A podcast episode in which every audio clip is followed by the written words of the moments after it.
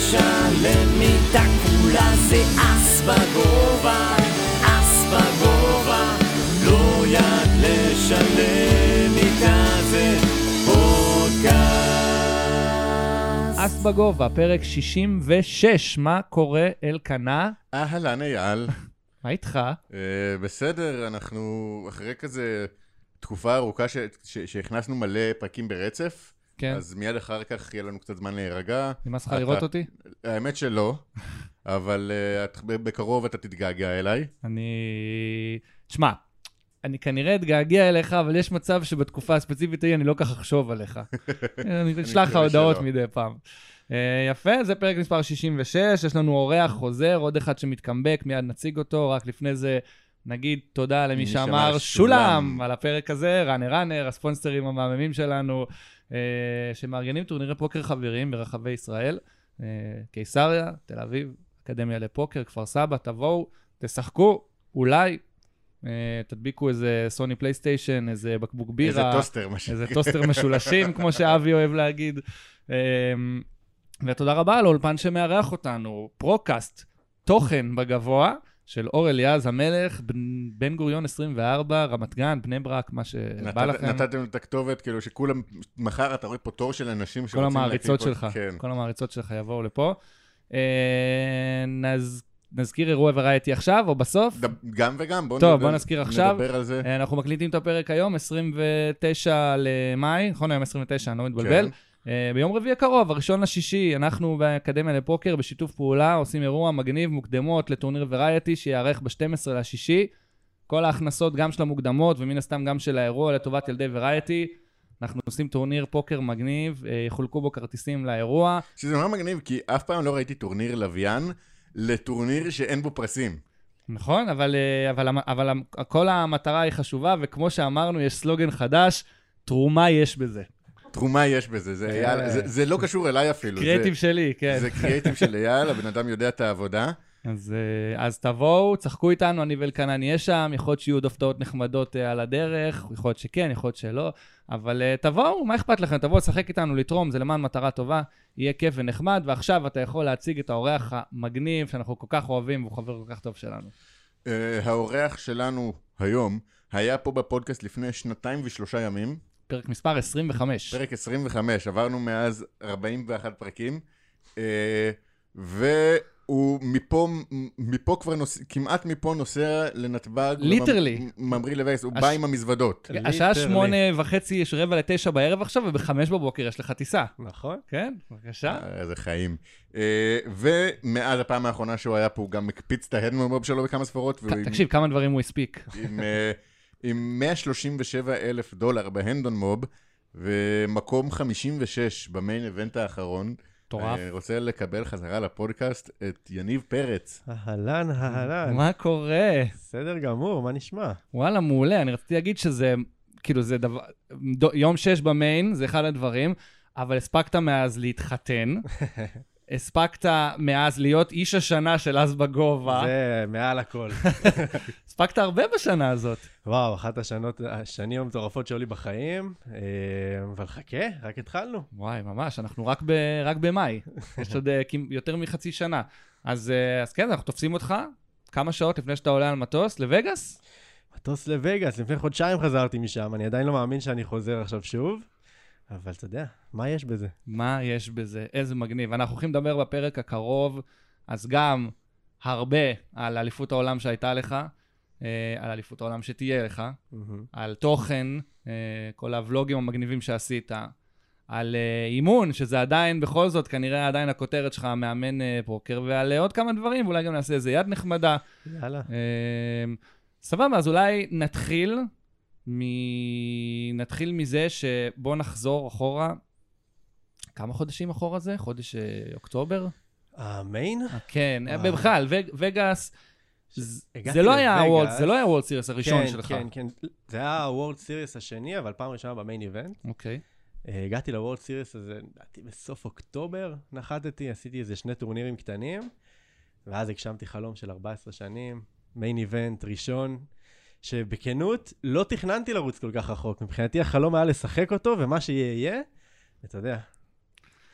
אתה, אתה אומר את זה, אתה יודע, אבל רגע, רגע, יש פה, יש פה, יש פה סיפור. אתה, אוקיי, אתה פוקר פרו, אוקיי? אתה לא... אתה, אתה מקצוען פוקר, בוא, זה גם חלק מה, מהעבודה שלך, ועדיין, פעם ראשונה במיין, כמה, כמה רועדות הידיים ביד הראשונה. אה, הידיים, אוקיי, חשבתי שאתה הולך להגיד משהו אחר. אני אוקיי. יכול להגיד הביצים, כמה רעדות כן. ביצים. וואלה, כל הגוף רעד ביד הראשונה, אבל אתה יודע, מהר מאוד נכנסים לזה, ובסוף... קינג עם. יד הראשונה, ואתה יודע, shit, אני הולך לעוף ביד הראשונה של ה main ממש. האמת, היד הראשונה שהייתה לי לא ב main, בטורניר אחרי הראשון, הייתה אסים. יד ראשונה ב World Series האחרון הייתה אסים, והפסדתי את היד הזאת. בבקשה. הפסדתי קצת, לשמחתי, אבל זו הייתה המפלה הראשונה שהתחילה הכל, ושם לא יכלתי לבקש עליות גדולות יותר. מטורף. אה, אז בוא, בוא נדבר קצת על אה, איז, איזה הכנה עשית למיין הזה. למיין, אז זה הקרוב או הקודם? לא, אנחנו עוד, אנחנו עוד, אנחנו עוד בעבר, בעד, אנחנו. תכף נגיע גם לעתיד, אבל בוא נדבר טיפה על העבר. אה, אוקיי, האמת שזה התחלק לשניים, מנטלי ומקצועי. אה, ברמה המקצועית, חרשתי טורנירים בחודש שלפני. אה, אני לא שחקן טורנירים במקור, אני יותר שחקן קאש. בכללי בשנים האחרונות פחות משחק, יותר מאמן. אבל ספציפית עכשיו ידעתי שאני הולך לבוא לרצף של טורנירים, ופשוט אה, ישבתי, חרשתי את הטווחים מכל עמדה, כל, אה, אתה יודע, עומק. אה, הזכרתי לעצמי את כל מה שזכר, כל מה שידעתי על קריאת שחקנים, אה, ומקצועית זה מה שהכין אותי הכי טוב. מנטלית, ניסיתי להגיע ב vibe הכי טוב שאני יכול. אתה יודע, אם זה להיכנס למשטר של אימוני כושר כל בוקר, אם זה להתחיל לאכול קצת יותר טוב, אה, כל מה שיוצא בזה בעיקר, מנטלי מקצועי. וואלה. אה, ואתה אתה מתיישב במיין איבנט, רועדות הידיים, אה, אתה מתחיל לשחק, ואתה עובר יום, אתה אורז שקית, לא חמודה וזה, יופי, יש, יש כזה, מין כזה לסמן לסמן. לארוז שקית. במיין איבנט. בוא, walk us through it, בוא, בוא תגיד לנו מה, מה, כאילו... אנחנו, זה, זה, אנחנו פותחים ישר עם, עם ההיילייט של, של הקריירה שלך, של הקריירה של כל שחקן פוקר אה, ש- כלשהו, אה, וכאילו, ובוא, בוא, בוא ספר, בוא תתחיל. אני כאילו. אתחיל ואגיד שהיום הראשון היה קשוח. אני, מבין כל ששת הימים, השולחן שקיבלתי ביום הראשון היה בי פאר הכי חזק. אנחנו, אני מתיישב בשולחן, אתה יודע, כולי בהתרגשות לקראת ה, המשחק, הטורניר, ואני רואה שכל השחקנים מסביבי, מימין, משמאלי, כולם רגים. כולם מבינים, מנוסים. איך, לא, אחרי כמה ידיים הבנת? האמת ש- שמהר מאוד ראינו. כולנו, אתה יודע, אתה קולט ששחקן מבין את העניין, כולם צעירים, בני 30 בערך מבינים עניין. יש איזו אחווה כזאת של מה, מה... איך כולנו נדפקנו ככה? יותר אה, פחד מאחווה, ואנחנו מסתכלים לשולחנות האחרים, ואתה רואה שחקנים מבוגרים, חובבנים, כאלה שאתה רואה עליהם שבאים בשביל החוויה, כן. ואנחנו בשולחן לא מצליחים למצוא את השחקן החלש. אתה יודע, זה גם מעורר מחשבות, יש את המשפט, אם אתה לא מוצא את. הדג בשולחן, כנראה שזה אתה. ממש. וזה קצת מפחיד להתחיל ככה מיין איבנט, אה, והתחילו ידיים, וככל שהזמן עובר רק ראיתי שזה יותר ויותר נכון, באמת שחקנים טובים. לשמחתי, אני אומר, הייתי די קר דד ביום הראשון, לא קיבלתי הרבה ידיים, אז לא היה לי הרבה ספוטים קשים נגדם. שרדתי איכשהו את היום הראשון בלי הרבה ידיים טובות, אבל עם איזו ערימה של אה, שני שליש ממה שהתחלתי. אה, כלומר, התחלנו עם ח- מתחילים עם 50? התחלנו עם 60 אלף, 60, נכון? סיימתי לדעתי עם 40, משהו אז כזה. זהו, אז אם יש טורניר ש- שבסדר להיות בו קרדד ביום הראשון, לגמרי. זה באמת, אתה- אם אתה נרשם ביום שתיים אתה מתחיל עם 50 בליינדים, אז כאילו, לא טוב. כזה נורא. כן, כן, התחלתי את היום השני עמוק, למרות שכאילו, אתה יודע, כמעט ולא... כן, כלומר, זה, זה גם שעתיים ל-level, אז כן, אתה כן, יכול זה לקפל. לקפל, לקפל עד שיפול לספוט הנכון. לגמרי, האמת שכאן הרגשתי את היתרון של הקאש בא לידי ביטוי, כי משחקים ערימות עמוקות כמעט שלושה-ארבעה ימים, זה מטורף. כן. זה משהו שלא קורה בטורניר רגיל. טורניר רגיל זה, מה- מהר מאוד אתה מגיע כבר לאזור ה-30-40 בליינדים, כן, ואחרי זה כן. ל-20-15, ואז... אה, אה, ואיך, אוקיי, אתה מסיים את היום הראשון, עם פחות ממה שהתחלת, יש איזה מחשבות כאלה של לא ככה, לא ככה תכננתי להתחיל, אפילו בן אדם חזק מנטלית כמוך. יש מחשבות שלא ככה תכננתי, אתה יודע, זה לא מה שהייתי בוחר, כן. אבל גם היו את המחשבות של סבבה, יש עוד, אה, הבליינים עדיין נמוכים, יש עוד אר... דרך ארוכה מאוד לפניי, פשוט תמשיך לעשות את הכי טוב שאתה יודע, ויהיה בסדר. בואו נקווה רק שביום השני יהיו שחקנים קצת פחות טובים בשולחן, ובאמת ככה היה. אוקיי, אנחנו נדלג ליום שתיים, או שאתה... יש איזה, איזה, מה שאני אוהב לדעת, יש איזה פרצוף מוכר, איזה שם, כאילו, בימים הראשונים. אני מניח שככל שאתה מתקדם, זה יותר, הסיכוי יותר עולה שתשב עם, עם סטיבן צ'ידוויק או משהו כזה, אבל בימים הראשונים עוד היה איזה פרצוף שאמרת לעצמך, וואו, אני יושב פה בשולחן, במיין איבנט, משחק פוקר עם מישהו? האמת שהחלק הכי מעניין היה ביום החמישי, שישבתי, עד, עד אותו רגע לא באמת היה שחקנים מוכרים מאוד בשולחנות שישבתי, ואז ישבתי עם קסיאס באותו שולחן. אה, אני זוכר. ועליתם למצולם גם? עלינו היה- למצולם ביחד. השלישי. רבי ג'רבי ישב איתנו בשולחן, היינו נכון. שלושה ישראלים ביום החמישי של הטורניר. אז היה, אז היה באמת, זה היה הרגע הכי? מעניין בטורניר הזה. אה, סבבה, אני רוצה לחזור רגע ליום שתיים, אוקיי, יום שתיים מתחיל, ומתי מתי אתה מרגיש שנקודת המפנה מגיעה בעצם? מתי ש- מתחיל ללכת לך? האמת שפה זה מתחבר לי ליד שביקשתם שאביא, אז זה ממש יכול להתחבר לכאן, זה ממש שעתיים אחרי שהתחיל היום השני. אוקיי. אני קולט שהשולחן באמת שונה לגמרי מהיום הראשון. שחקנים הרבה יותר מפוחדים, הרבה יותר נזהרים, משחקים סקרד מאני, לא רוצים לעוף, אתה יודע, יום שני של הטורניר עדיין כולם חוששים על הצ'יפים שלהם. יש עוד- זמן- הרבה זמן עד הכסף, כאילו. יש עדיין הרבה זמן על הכסף, הצפי זה סוף היום השלישי, או תחילת הרביעי, אצלנו זה. היה בסוף השלישי. כן. אה, אבל עדיין, אנשים לא רוצים לעוף במצב הזה, יש להם עומק והם נזהרים, ואני קולט שאני יכול להשתמש בזה לטובתי. השחקנים מקפלים קיפולים הזויים, ופה החלטתי לעשות שינוי ולהתחיל בלף הרבה יותר ממה שאני רגיל בטורנירים, בטח בקאש. אה, נגיע ליד אחר כך, אבל זה, כן. זה נקודת אני. אני במתח. אני, הוא, הוא סיפר לנו שהוא הביא יד, ואז אומר לנו, טוב, אבל נשמור אותה יותר לקראת סוף הפרק. ואני כזה על קוצים. כן, פשוט הייתה לנו שאלה ספציפית על סקרד מאני בשאלות מאזינים, אז אנחנו נשלוף את זה אז, כי זה, כן. אמרנו שזו נקודה ממש ממש אה, ממש טובה. אז בעצם פה מגיעה נקודת המפנה, ואז מה? ואז, אני פשוט, סלח לי, אני לא, זו, אני לא זוכר, אה, כאילו, מתי הייתה לך נקודת המפנה, אני רק זוכר את הריצה המדהימה. מה, פה כבר התחלנו לבנות ערימה בריאה? אז זהו, שלא הייתה לי איזה נקודת מפנה שכאילו קפצתי לערימה מטורפת. פשוט היופי בעיניי, מה שלי עשה הכי נעים בטורניר הזה, זה שלאורך כל הדרך שמרתי על ערימה של מעל 50 בליינדים, עד היום השישי. ואתה יודע, זה האזור נוחות שלי, זה המקום שהכי כיף לי ונוח לי לשחק בערימות עמוקות. ולשמחתי פשוט ככה זה היה. אתה יודע, גם שלא קיבלתי קלפים טובים, אז הצלחתי לגנוב בלוף פה, בלוף שם, והצלחתי לשמור על רמה טובה. איך היה הבאבל והכניסה לכסף? וואו, זה היה רגע מרגש. אני לא יודע כמה מהמאזינים שספציפית ראו, היו ברגע הזה, אבל אני לא חוויתי דבר כזה לפני. זה משהו כמו אלף איש, לדעתי עדיין היו בטורניר, שנכנסים לכסף, וכולם פשוט מחכים. זה היה אחד, שתיים בלילה, כבר לא זוכר מה השעה שהייתה, אבל כאילו שיחקנו המון שעות אחרי שלושה ימים. כולם מתים כבר שזה יגיע, וזה פשוט לא קורה. יד אחרי יד, שכל יד לוקחת משהו כמו חצי שעה, ואנחנו מחכים שזה ייגמר. ואני רק יכול לדמיין מה עובר לבן אדם שעף בסוף, לראש, אתה יודע, הוא עף לדעתי עם איזה אסים נגד אס שמונה, עם שרן וכולם מרעים 8-8, עכשיו משהו לזה כזה. שהוא כן. הודח, וואי. אתה יודע, זה לא תחושה נוראית. נוראית. גם ככה לא כיף לעוף במעמד הזה, ושכולם גם מעודדים את זה. אבל אתה נכנסת לבאבל גם בידיעה שאתה כבר, אתה תהיה בכסף, כלומר, צריך לקרות משהו בלתי סביר, נכון? כן, כן, כבר הייתי עם ערימה די עמוקה, כאילו, אם לא קיבלתי איזה יעד הזויה, כנראה שלא יקרה כלום. איפשהו קצת קיוויתי שלא יהיו לי ידיים חזקות כאן, אה, ונכנסנו. אני אומר לך שבפעם הראשונה שאני אכנס לכסף, הש... הקיץ הזה בווגאס, כי זה פשוט יקרה ואין שום סיכוי שלא, הפעם הראשונה שאני אכנס ל... זה יהיה גם הפעם הראשונה שאני אכנס ל... לכסף באירוע בחו"ל, עזוב, אה, עזוב אירוע הם צמיד. הוא עדיין ריק, חברים, אנחנו עדיין ב...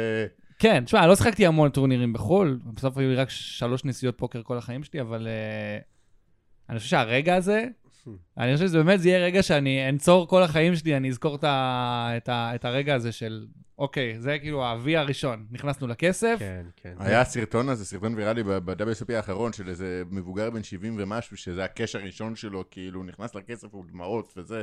זה היה, עשו עליו אחר כך פיצ'רים ב- ב- מה, זה, בפוקרים זה כאלה. מרגש. זה מרגש לאללה. לי עדיין אין קש ב-WSOP, אה, חלום שלי, וכן, ואני אני אתרגש בדיוק בדיוק ככה, זה כאילו...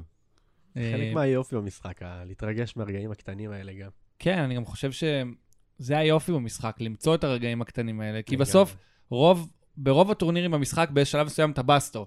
ובהרבה מהם אתה בסטו מחוץ לכסף, אז למצוא, אז כשכן מגיע הרגע הזה שמרגש אותך, ההדבקה, הריצה העמוקה, השולחן הזה שאתה יושב עם מישהו מפורסם או צובר חוויות, אז כן לנצור את הרגע הזה, לגמרי. אתה יודע, אומרים ששחקני פוקר, אה, פוקר טורנירים ספציפית, מזוכיסטים. ממש. נראה לי הדרך להתגבר על זה, זה באמת מה שאתה אומר. אני יכול להעיד. ניצחונות הקטנים לאורך הדרך, זה כל כך חשוב. בדיוק.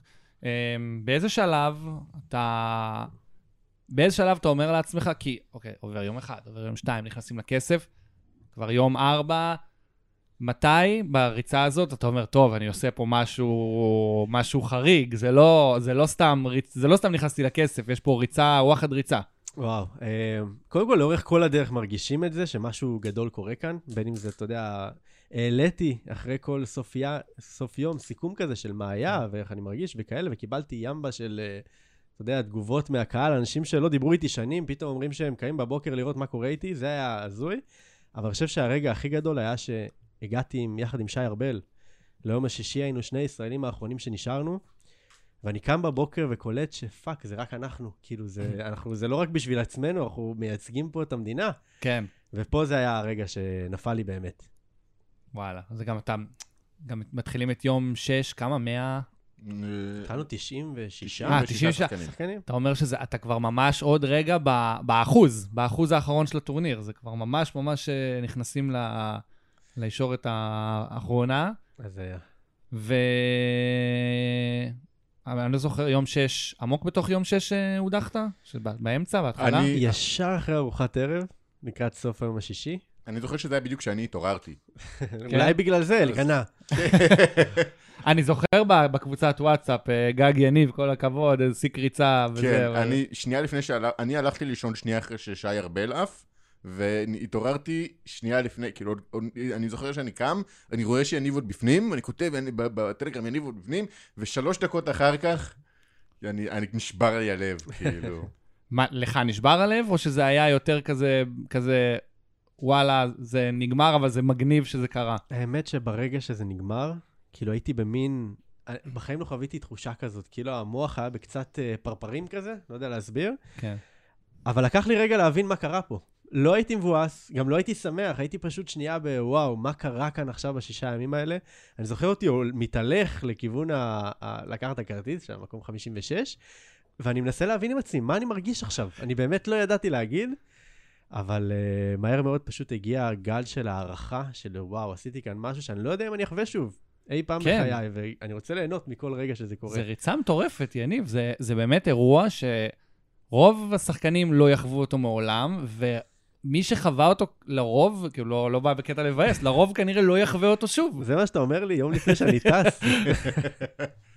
סתם, אבל זה לגמרי נכון. בוא תגיד את זה לג'ון סין, למייק ניובינסקי, לכל האלה שרצו עמוק כמה פעמים. מרק ניוהאוס. מייק ניואס, מרק ניואס, כן. אה, כן. אה, נכון, לא, אני מאחל לך ממש, והלוואי, מה זה? הלוואי שתגיע הרבה יותר רחוק, הלוואי שתעשה final, אבל... אה, הלוואי, אבל באמת, אם להיות כנים, ואני לא מתבייש להגיד את זה, זה, זה פשוט נכון, רוב הסיכויים שזה לא יקרה. זה בסדר, זה, זה המתמטיקה של המשחק הזה, זה מה שעוזר לי להעריך את זה כשזה כן קורה, אה, ולהתבאס פחות אם זה לא. אז זה בסדר, אני לא עכשיו מוריד לעצמי ציפיות, אני מאוד רוצה שזה יקרה, אבל אני גם מספיק ריאלי להבין שאם לא, אז זה בסדר. עוד שאלות על המיין? שאלות מאזינים שאנחנו רוצים להכניס על המיין עכשיו, או שבהמשך? אה, לא, נגיע לזה בהמשך. אני רוצה, אני רוצה כאילו לדעת, כשאתה אתה מסיים עם המיין, היה לך, כאילו, כשאתה, כשאתה אה, מתכנן את ה-WSOP בשנה שעברה, את ה-WSOP הקודם, אתה מגיע, אתה מתכנן את המיין, אתה, זה היה השיא של הזה, כאילו לא תכננת לשחק עוד אחר כך עוד דברים, כאילו, ואני, אז אני שואל על אחרי המיין, כי אתה החלטת בהחלטה של רגע כאילו להישאר בווגאס, או שזה היה עוד התוכנית מראש? זו הייתה תוכנית מראש, שאף אחד אחר לא ידע. הזמנתי כרטיס עם כוונה לשנות אותו.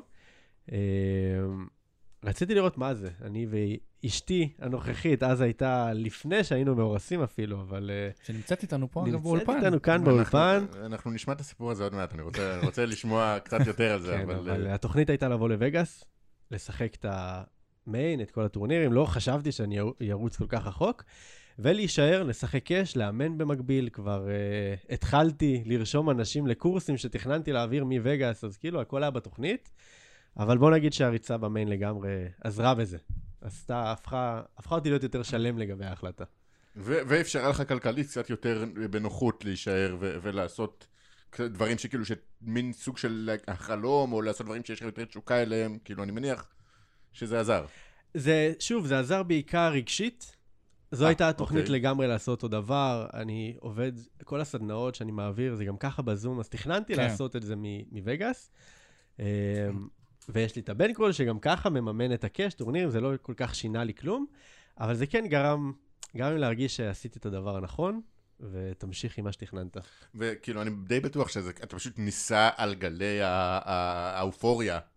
כאילו, אחרי שאתה, שאתה מסיים מקום 56 במיין איבנט, מהמם. כבר נכנסת לאחוז, לאלפיון העליון, אני בטוח שכאילו כבר, כאילו שום דבר לא יכול לעצור אותך בהרגשה. חוץ מלהפסיד את היד האחרונה. כן.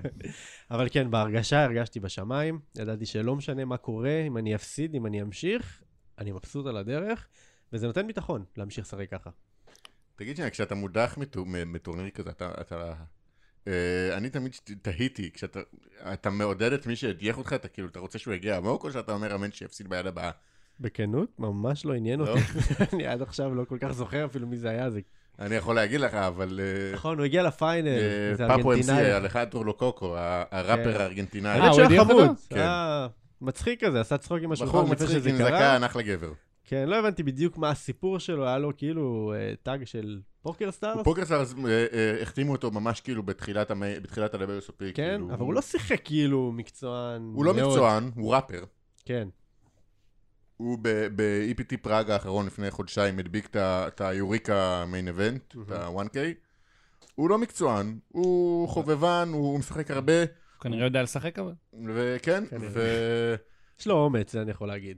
עשה שם כמה החלטות מאוד אמיצות לשלב הזה של הטורניר. הוא עשה החלטה מאוד אמיצה ב final table, כן. פשוט אה, אה, פשוט לא- שילם, פשוט לא בזמן הנכון. כשהוא- שני בצ'יפים, עשה התאבדות ICM מול- מול אה, אלדמיר, אבל כן, אה?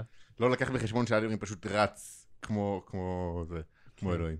בכל מקרה, בואו נחזור קצת אחורה מהמיין, מה... נחתנו ישר לתוך הסיפור המרכזי, ההצלחה המטורפת. אה, לפני שנתיים אה, התארחת אצלנו, סיפרת, על- דיברת בעיקר על, על, עליך כמאמן מנטלי, על איך להתמודד עם טילט, על, אני הקשבתי לפרק הזה לא מזמן, לא יודע אם יצא לך גם להקשיב. אה, ובינתיים, מה קורה מאז? בוא, בוא, בוא, אתה, אה, זה היה ממש בתחילת, ש- בתחילה של אה, פרויקט A-Game, אני רוצה שתספר עליו, על אימון שחקנים, על אה, ה- הקבוצת אה, זום. בוא, בוא, מה יש לך? קודם כל גיליתי עכשיו איתכם, שזה היה שנתיים, הייתי בהלם. כאילו, חשבתי זה פחות משנה, זה רק עזר לי להבין כמה השנתיים האלה עברו ממש מהר. אני חושב שכשאז הייתי כאן איתכם, זה היה כשעדיין העברתי רק אימונים אישיים, אולי בקטנה סדנאות. לא סגור על זה. ומאז המעבר הגדול שהיה זה להעביר את הידע לקבוצות. זה אפילו לא ידע, אני קורא לזה, כמו פשוט להתאמן ביחד. אם לפני זה עשיתי את זה אחד על אחד וזה ממש סיפק אותי ואהבתי, פתאום להתאמן כקבוצה ביחד, שזה בעצם הרעיון של האיגים, זה להשתפר ביחד. כולנו כאן, יש להם איזשהו ידע מסוים, מקצועית, מנטלית, אה, וכשעושים את זה ביחד, כל כך יותר מהר אפשר להשתפר מכל הכיוונים. אה, אז זה מה שהתחלתי לעשות, התחלתי להעביר סדנאות קבוצתיות, התחלתי להעביר קורס קריאת שחקנים, שזה עוד אחד מהנושאים שאני הכי אוהב במשחק הזה. זו גישה, סליחה שאני קוטע אותך, זו גישה מאוד מעניינת אה, שאתה אומר להשתפר ביחד.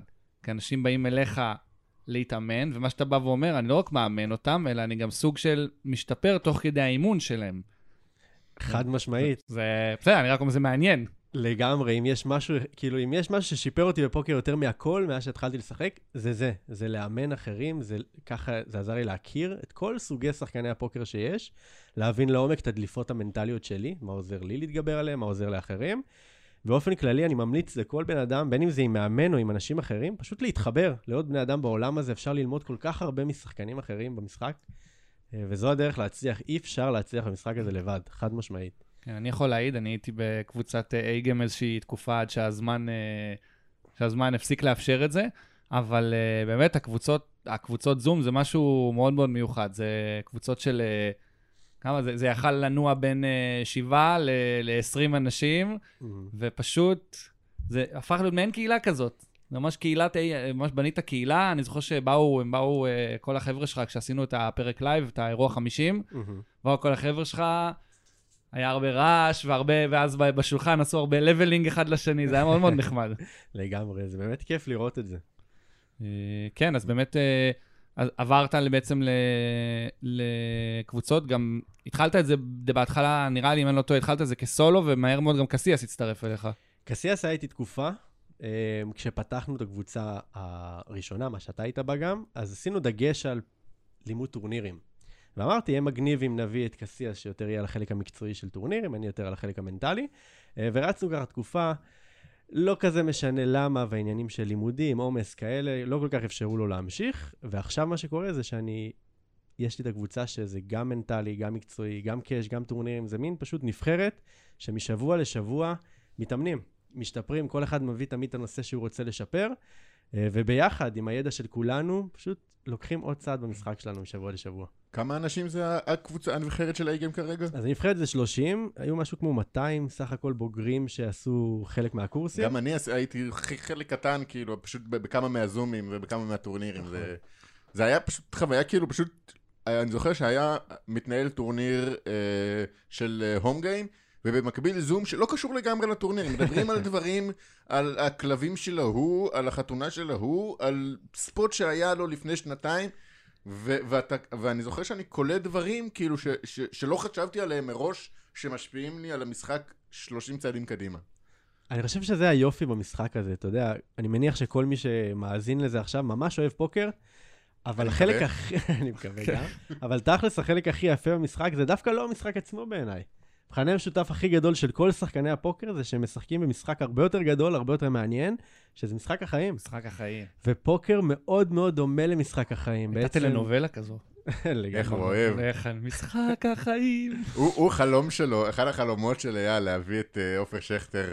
כי עופר שכטר אוהב פוקר. אוהב. אנחנו יודעים שהוא אוהב פוקר, ואני פונה, לא יודע אם הוא מאזין, אבל אמרו לי שהוא... שהוא שמע עלינו, עופר שכטר, תבוא, תבוא לדבר על פוקר, וגם נשאל אותך על הדמויות שלך במשחק החיים. אני רוצה לדעת על האלופה בכלל. מה האלופה? עזוב אותך, התפקיד שלו כשחר עדן במשחק החיים. בכל שיש מקרה. פה גרופי. מה זה? יש פה גרופי רציני, אני מבין. שמע, אה, ש- עופר שכטר הוא אושייה. גם. אה, זה, אג- אקס, היה לו גם אקזיט, נכון? אה, אני באמת לא. יודע. כן, כן, אחלה עופר שכטר. תבוא, תבוא, שכטר, אנחנו נשמח לארח גם... אני אה, אני רואה איך זה מידרדר. אתה התחלת את השנה, הלוואי שנביא את פיל הלמיוט, עברת לבוא ננסה להביא את אורי רייכנשטיין, ועכשיו אתה יורד לעופר שכטר. זה, תשמע, השלב כל- הבא זה זה את אריק ובנץ. כאילו מה? אפשר לשלב גם תרבות תוך כדי, ה- תוך כדי הפודקאסט. לא, אפשר להביא אורח שהוא גם פוקר, אבל גם עוד דברים. אה, איפה היינו? היינו בזום. היינו בזום. אה, איך זה באמת להעביר אה, סדנ- סדנאות דרך הזום? לפעמים במרחק 15,000 קילומטר מפה. וואי, כל כך פחדתי מזה בהתחלה. זה התחיל בתקופת הקורונה, ואני כל כך אהבתי את האימונים אחד על אחד, הרגשתי שאני מרגיש את הבן אדם שאיתי, וכשהתחלתי את הזום זה היה מילאת ברירה.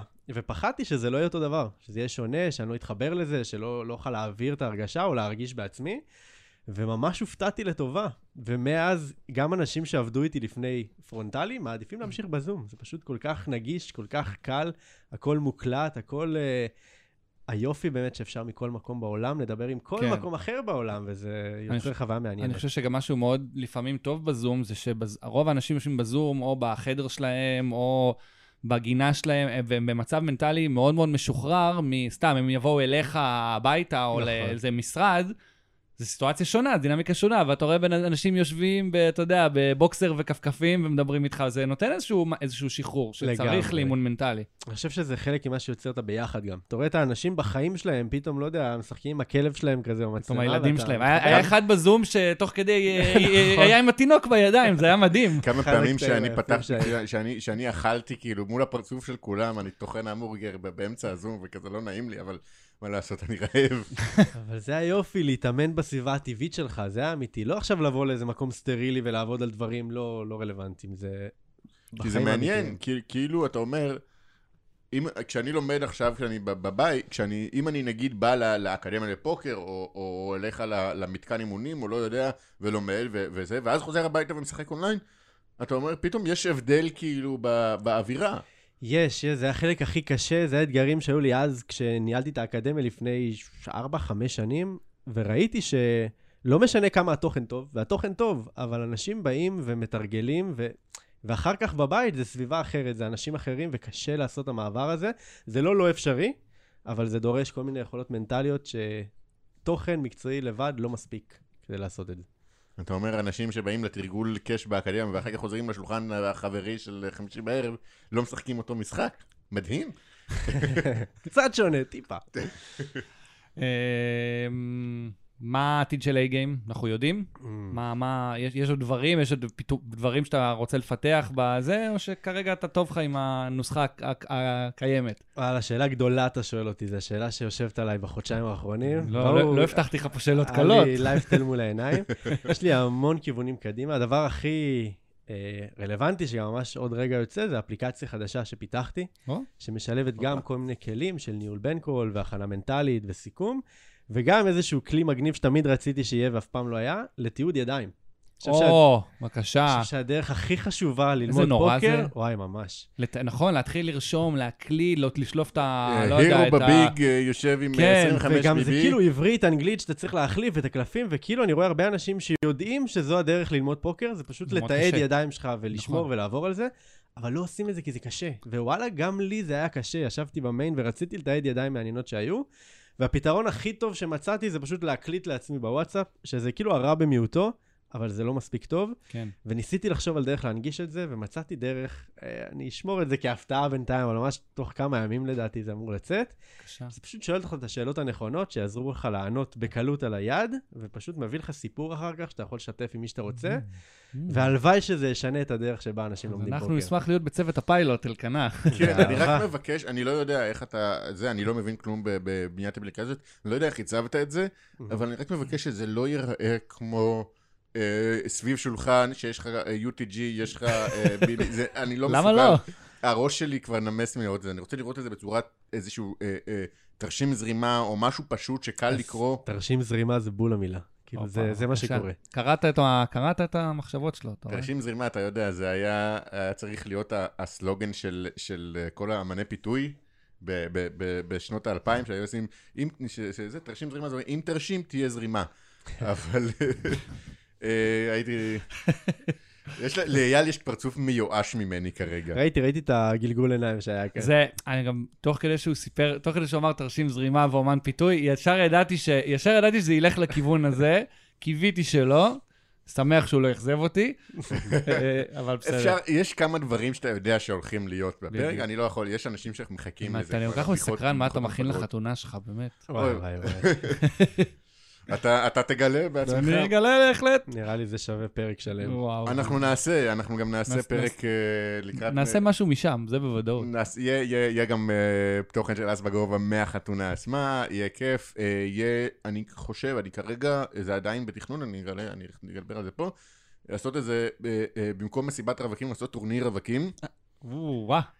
לנסות להביא כמה שיותר מאזינים, כמה שיותר חברים, להרים איזה משהו מגניב.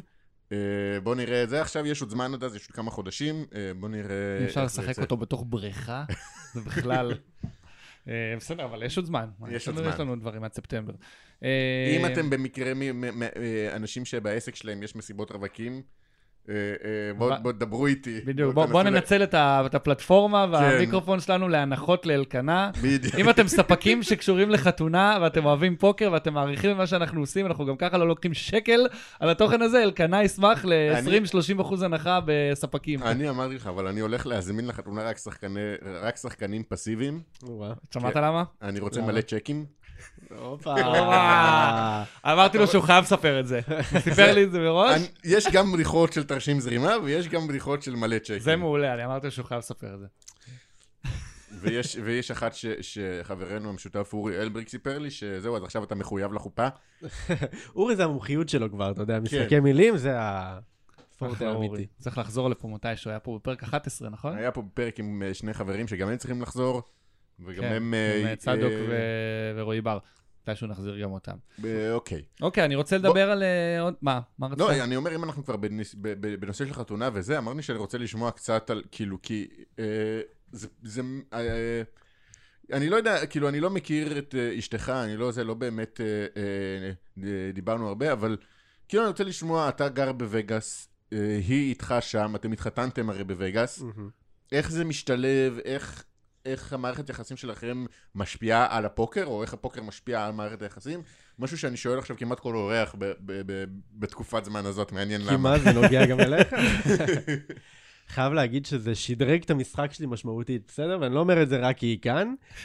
פשוט עזר לי, קודם כל, ה- לא חשבתי אי פעם שאני אכיר מישהי שכל כך תתמוך בזה. אתה יודע, פוקר יש לזה סטיגמה לא כל כך טובה. כן. ועזוב את זה שאנחנו יודעים שיש לזה יתרונות, יש חסרונות, בדרך כלל אנשים שהם לא מהמשחק מכירים רק את הרע, ויש רע, כן, לא ייפה את המציאות, יש גם דברים לא טובים, אבל מלכתחילה היא הגיעה מאוד פתוחה לשמוע גם מה טוב. ברגע שהיא ראתה איך אני מתנהל ואיך אני מתייחס לזה, איך אני תופס את הפוקר ואיך אני משלב אותו בחיי, היא ישר התמסרה לתהליך ומאוד עזרה. ואני יכול להגיד שאחד הדברים שהכי עזרו לי במיין, זה התמיכה שלה לאורך כל הדרך, והעובדה שהיא הורידה לי את כל הדאגות מהראש בתקופה הזאת, אז כן, שאפו לה. שאפו בהחלט. כן, אה, היה כדי חתונה, זה חתונת וגאס אה, קלאסית כזאת, עם כומר שהוא אלוויס, או רב לא שהוא מבין אלוויס, כמה רב אנשים שהוא שאלו אלוויס. אותי את זה. אז לא, הייתה אפשרות לבחור חבילת אלוויס, בחרנו את הדבר הרגיל יותר, אבל היה מרגש מאוד. בחיים לא חשבתי ששם אני אתחתן, אבל במבט לאחור זה די מתאים לי. בדיוק, אתה מקצוען פוקר, מה, לא להתחתן בווגאס, או מסיבת רווקים בווגאס, או חתונה בווגאס, זה אחד מהשניים אי אמור אפשר לקרות. להגיד שזה היה מאוד מפתיע, בוא נגיד. כן. כן. אה, ומתישהו, אוקיי, עכשיו, אחד הנושאים שמאוד מעניינים אותי זה שמתישהו החלטת שאתה מתחיל לייצר תוכן של וידאו, ממש אה, ולוגים, כמו שאנחנו רואים לאחרונה, עם אה, גרפיקה של הידיים, ומאיפה בא הרעיון? מה, מה- מתי החלטת שוואלה, זה מה שאני רוצה לעשות? וואי, האמת שפשוט בבוקר אחד שהלכתי לסשן קאש, קצת אחרי המיין, היה לי איזה כמה ימים שלא כל כך שיחקתי וכאלה, ואז התחלתי לשחק קאש, והיה לי נחמד, אבל בכנות כבר הרבה זמן שרק לשחק פוקר לא מספיק מרגש אותי, וחיפשתי את האקסטרה, חיפשתי מה לתת. אה, פשוט חשבתי על איזה מגניב זה היה, אם תוך כדי היד הייתי יכול איכשהו להעביר את המחשבות של מה עובר לי בראש כשאני מקבל את ההחלטה, איזה שאלות אני שואל את עצמי, למה אני עושה את מה שאני עושה ומה אני חושב על היריבים. ואז התחלתי לנסות לחשוב על זה טכנית. קודם כל שאלתי כזה ב- באינסטגרם, בכלל היו רוצים, ואנשים עפו על הרעיון, מאוד רצו, מאוד תמכו.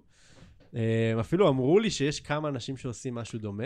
כן, אה, בברד אורן, אנדרונימי, אה, מריאנו, איך קוראים לה? המהממת, חברה של ספרגי, אשתו של ספרגי.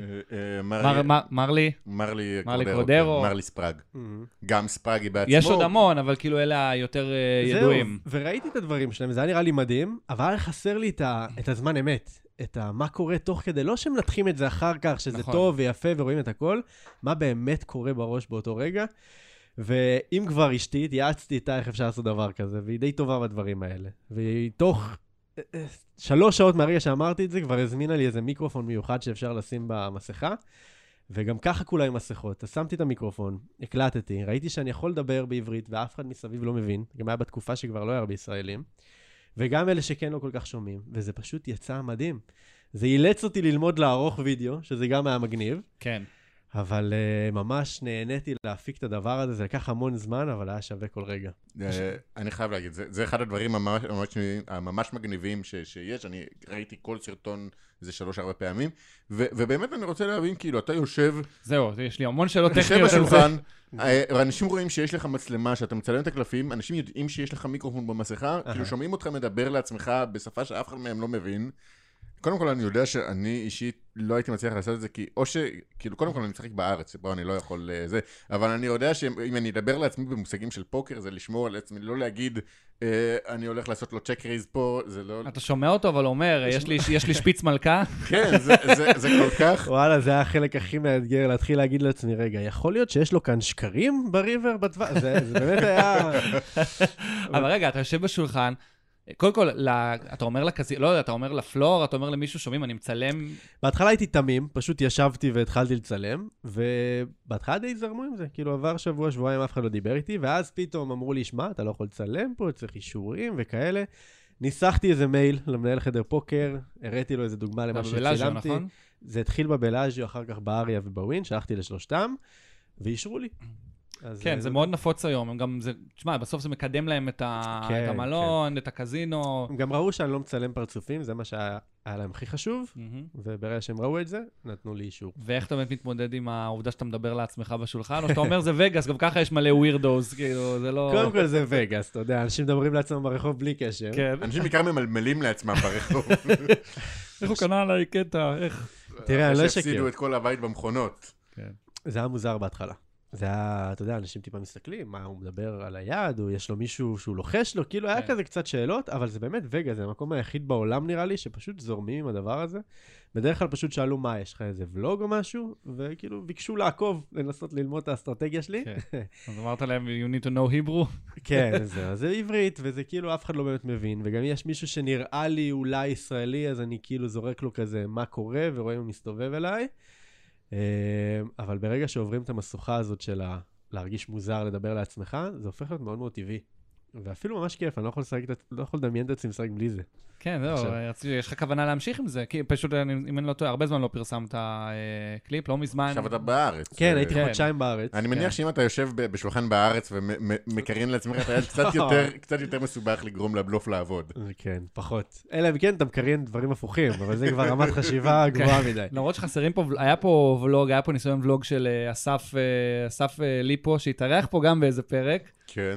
אה, היה ניסיון ולוג, והוא עשה קצת, וזה דעך. תשמע, אנחנו מרים- מעודדים כל אני מרים את הכפפה, כן. כל אני- מי שרוצה ליצור תוכן פוקר מכל סוג שהוא, אז בואו, כאילו וידאו, אני חושב שיש חיסרון גדול בתוכן פוקר וידאו בעברית. נכון. ובואו כנסו, כנסו לחלל הזה, תמלאו אותו. ויש, מקו... ויש מקומות, את, אה, יש מקומות שיאפשרו לכם, אה, ראנר, האקדמיה, אה, שבטוח אה, ישמחו שתעשו את זה, כל עוד אתם לא מצלמים פרצופים וכו'. תראה, אני, אם, אם הייתי יודע עריכת וידאו, אני הייתי עושה את זה בשמחה, אבל אני, אז תלמד. אני באמת שעדיף שלא. אז אה, פרץ פה, תבקש פרץ. שילמד אותך לערוך וידאו. אבל נכון, אנחנו קוראים לאנשים להרים את הכפפה הזאת כמה שיותר. ולייצר אה, אני גם תוכן. חושב שיש לזה ערך מעבר למי שרואה את התכנים, שתמיד טוב ללמוד עוד. יש משהו בלייצר תוכן שממש משפר את המשחק שלך. אתה לא יכול עכשיו לעשות שטויות כשאתה מצלם את זה. אתה לא יכול עכשיו לקבל החלטה מטומטמת שאתה אומר לעצמך את השיקולים של ההחלטה. אז בכנות, אני חושב שהלצלם, לא רק שלא פגע במשחק, ממש ממש עזר. אני לא. באמת לא יודע איך לשחק בלי זה עכשיו. למרות שאני זוכר איזושהי יד שלך, שממש אמרת, וואי, זאת יד שאני ממש לא, לא בטוח ששיחקתי טוב. איזה, אולי זה היה איזה פאנטי מאסקינג, שאני לא, אולי אני לא זוכר אותו. היה לי איזה... ובדיוק רציתי לשאול, כלומר, אתה... אני ואלקנה בסדר, אנחנו שני כבשים, אז מה אכפת לנו שישמעו את השטויות שלנו? יש לנו, אתה יודע, חלק מזה, חלק מזה זה מה שהקהל רוצה, אבל אתה, אתה יודע, אתה פוקר pro, אתה מאמן. זה לא קל לבוא ולהגיד, הנה, תראו, וואלה, פה, פדיחה, שרפתי פה, לא יודע, 500 דולר עם שטות שכאילו לא אמורים לעשות. אני חושב שזה מחובתי כמאמן להראות את הדבר הזה. איך אני יכול לבקש ממתאמן שישלח לי טעויות שלו, אם אני לא משתף בטעויות שלי? זו הדרך ללמוד במשחק הזה, אני חושב שזה משהו שלא עושים מספיק, כל האנשים שמנסים ללמד פוקר, שזה באמת מבורך. הדרך ללמוד פוקר זה דווקא בעזרת טעויות, אז תראו מהטעויות שלכם. אין אף שחקן בעולם, כולל פיל אייבי, דניאל נגראנו, שלא עושה טעויות.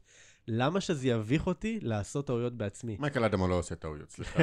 אם מייקל אדמו עושה טעות, זה כנראה המשחק טועה, והוא עושה מה שצריך וואי וואי, לעשות. הפך להיות הזלאטן של הפוקר. כן, כן. הצ'אק- הצ'אק נוריס של הפוקר, בדיוק. כן. כן. לא, אני ראיתי לא מזמן באמת כאילו שידור של, של הטרייטון, ובאמת דיברו על זה, ו- ואלי נג'אד ובן פלט, אה, אה, או איך שלא קוראים לו, אה, פלט מה שמו, ג'ף פלט. ג'ף פלט. אה, הם דיברו על זה שאם מדהים שאני מתקן אותך על שם של פוקר, כן, זה כן, נשגב משהו מוזר בבינתי. קרה כאן עכשיו. ממש. בן פלט הוא, הוא בן. שחקן ברודווי שאני נורא אוהב. אה, בכל מקרה, והם מדברים על זה, בדיוק על מייקל אדמו, בדיוק על שחקנים ברמה הזאת, ו- וכשאלי נג'אד אומר, הוא הולך כנראה לעשות משהו, והשחקן הולך לעשות, הולך לעשות משהו אחר, הוא אומר, אוקיי, אז אני טעיתי, וזה מה שנכון, זה מה שה- ש- שהסולבר אומר לעשות, או זה מה שהאקספלויד אומר לעשות, או זה מה ש... השחקנים האלה יודעים יותר טוב, וכשאתה אומר, אני בא ואני עשיתי טעות, זה כאילו, קודם כל, מלא פוליטיקאים צריכים ללמוד ממך עכשיו, אה, אה, וזה זה, זה, כאילו לא נתפס לבוא ולהגיד דבר כזה, בתור מישהו שיוצר תוכן, לבוא ולהגיד, הנה תראו איפה טעיתי, כדי שתלמדו לא לעשות את זה, וגם אני אלמד. לגמרי, זה גם מעבר לטעות, זה החלק המנטלי של זה, של ההתמודדות עם הטעות. זה, זה לא פחות חשוב מהטעות עצמה, ואני יכול להגיד באופן אישי שזה היה הקושי הכי גדול שלי בעבר. הייתי עושה טעויות, וחוזר הביתה ולא מצליח להירדם כל הלילה, ונכנס בעצמי וכועס על עצמי, ורק ברגע שהצלחתי להיות יותר טוב עם עצמי עם טעויות, לקבל את זה בהבנה שזה בסדר לטעות, זה אפילו די חובה לטעות מדי פעם, אז משהו במשחק שלי נרגע. זה לגמרי מומלץ. יש לנו איזה סיפור מגניב מה... מהוולוגים האלה? לא יודע, איזה פעם שבאמת ברח לך איזה היד שיש לך, או ישב איתך ישראלי בשולחן שלא זיהית שהוא ישראלי ושמע אותך מדבר, יש לנו איזה יצא- סיפור יצא לי מעניין. אחד, לא איזה משהו יוצא דופן, אבל היה איזה שלב שחצי שעה אני מקליט תוכן והכל, ופתאום זה שמימיני זורק לי איזה משהו בעברית. עכשיו, הוא הכי לא ישראלי בעולם, בחיים לא היה אפשר לנחש בכלל שהוא ישראלי, זה גרם לי לערער בכלל בכל הפעמים שהקלטתי עד היום, שאולי היה מישהו כזה. אולי הרדאר שלך לישראלים משובש כן, לגמרי. כן, זה ערער לי קצת את הכל, אבל אתה יודע, אני אומר לעצמי, מקסימום אני אעשה איזה טעות, בסדר, שווה לי את ה... זה כמו שאתה, כשאתה מטייל באירופה ויש מילים שאסור לך להגיד, אתה לא יכול לקרוא למלצר אנטישמי נגיד, כי זה מילים שכולם מכירים, אז אתה, אתה ממציא פתאום מילים, אני, אני, אני זוכר שאני בווינה וברוזוולו בכלל, כשיש אנשים שאנחנו לא אוהבים, אנחנו קוראים להם צוררים. צוררים. צורר, זה המילה במקום אנטישמי, אבל כאילו, אז ככה, אז אתה מנסה למצוא לעצמך ביטויים, אתה אומר שפיצים, אתה אומר שקרים, אתה אומר זה, ולאט לאט אתה, אתה מין ממציא אה, לינגו משלך לכל, לכל הפוקר. לגמרי, זה הגיע למצב שככה אני כבר חושב על הידיים בעצמי, אני אומר, יש לי אס, יש לי שפיץ מלכה ביד. כן, שפיץ מלכה זה נתפס לי חזק. שפיץ מלכה זה חזק, זה, זה יפה. אה, כן, כן, מגניב, טוב, אז אה, מה מה הולך לקרות אה, בווגאס הקרוב? מה הולך לקרות? הלוואי. וידעתי, קודם כל, אין לי מושג, אבל אני יכול להגיד לך את התוכנית הכללית. זהו, מה מבחינת לוז, מה אתה הולך לשחק, מה אתה הולך קודם לעשות? כל, אני טס לחודשיים הפעם. שזה מרגיש לי פתאום בקטנה, כאילו חודשיים וגאס, אבל לעומת מה כן, שהיה... מה צריך להגיד? ה-WSOP מתחיל מחרתיים? נכון? אנחנו 29 למאי, 31 למאי מתחיל, ואתה בעצם הולך להיות לאורך כל הסדרה? הולך להיות לאורך כל הסדרה, אבל אני כנראה הולך להיות הישראלי שמשחק הכי פחות. אני מתכנן. לשחק רק ארבעה טורנירים רגילים, ועוד את המיין. אה, והסיבה היא שאני ממשיך לאמן, גם משם. יש לי את הנבחרת כל שבוע שאני הולך להעביר גם משם, ויש קורס שאני הולך להעביר משם, אז מבחינתי הלו"ז שלי מתחלק סופאשי עם טורנירים, ואמצע שבוע מאמן לכל דבר. וואו, וואלה, אתה אשכרה מצליח למלא את הלו"ז שלך עם אה, אימונים. אתה של אמצע שבוע. יש שחקנים שאתה מאמן שיהיו. בווגאס? קואוצ'ינג 9 to 5. יש גם אה, מתאמנים שמגיעים לווגאס, אז זה בכלל מעניין, אני הולך לעשות סוג של מחנה אימונים כזה שם לחבר'ה שגם ככה עובדים איתי. אה, ובכנות זה מרגש אותי הרבה יותר מהמשחק. אני מאוד אוהב פוקר, מאוד אוהב לשחק, אבל אימון זה משהו שממלא אותי הרבה יותר ותפס מקום הרבה יותר משמעותי בחיי. והיופי בווגאס, שזה המקום היחיד שמאפשר לי איכשהו לשלב ביניהם. כן. זה בכלל כיף. אה, איזה אירועים אתה הולך לשחק? איזה אירועים? אני לא זוכר את השמות שלהם ממש, בכנות, אני באמת פחות באתי בשביל זה. אני יודע להגיד אתה שאת... מבין בן אדם נוסע לחודשיים ל-WSOP, והוא לא יודע מה הוא הולך לשחק, אה, כאלה שאני משחק לשחק איזה אירוע. יש לי לו"ז מאוד מסודר, אני פשוט באמת לא כזה אכפת לי השמות וה Millionaire Maker, אני פחות זה. יש לי טורניר של, אני מתחיל טורניר של אלף דולר ב-9 ביוני, יוצא יום אוקיי. חמישי. אז כאילו תשעה ימים אני שם, אני אפילו לא הולך לשחק בימים הראשונים, אני רק הולך להתאפס על המקום, על הדירה, מסיבות בריכה, עניינים. טורניר של אלף דולר, שבוע אחר כך, ב-16 לחודש, טורניר של 1,500, שבוע אחרי זה 2,000 דולר, אחר כך 3,000, ואז main. ככה בונים את זה בהדרגה. מה עם ה mystery. bounty, לא?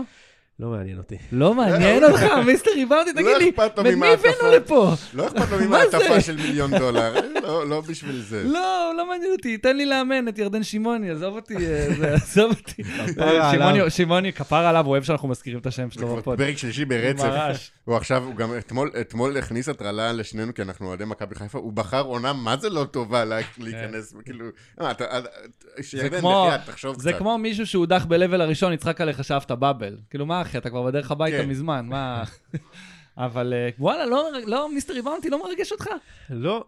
אם הלו"ז היה מסתדר, זה היה הטורניר הראשון ש... שהייתי משחק.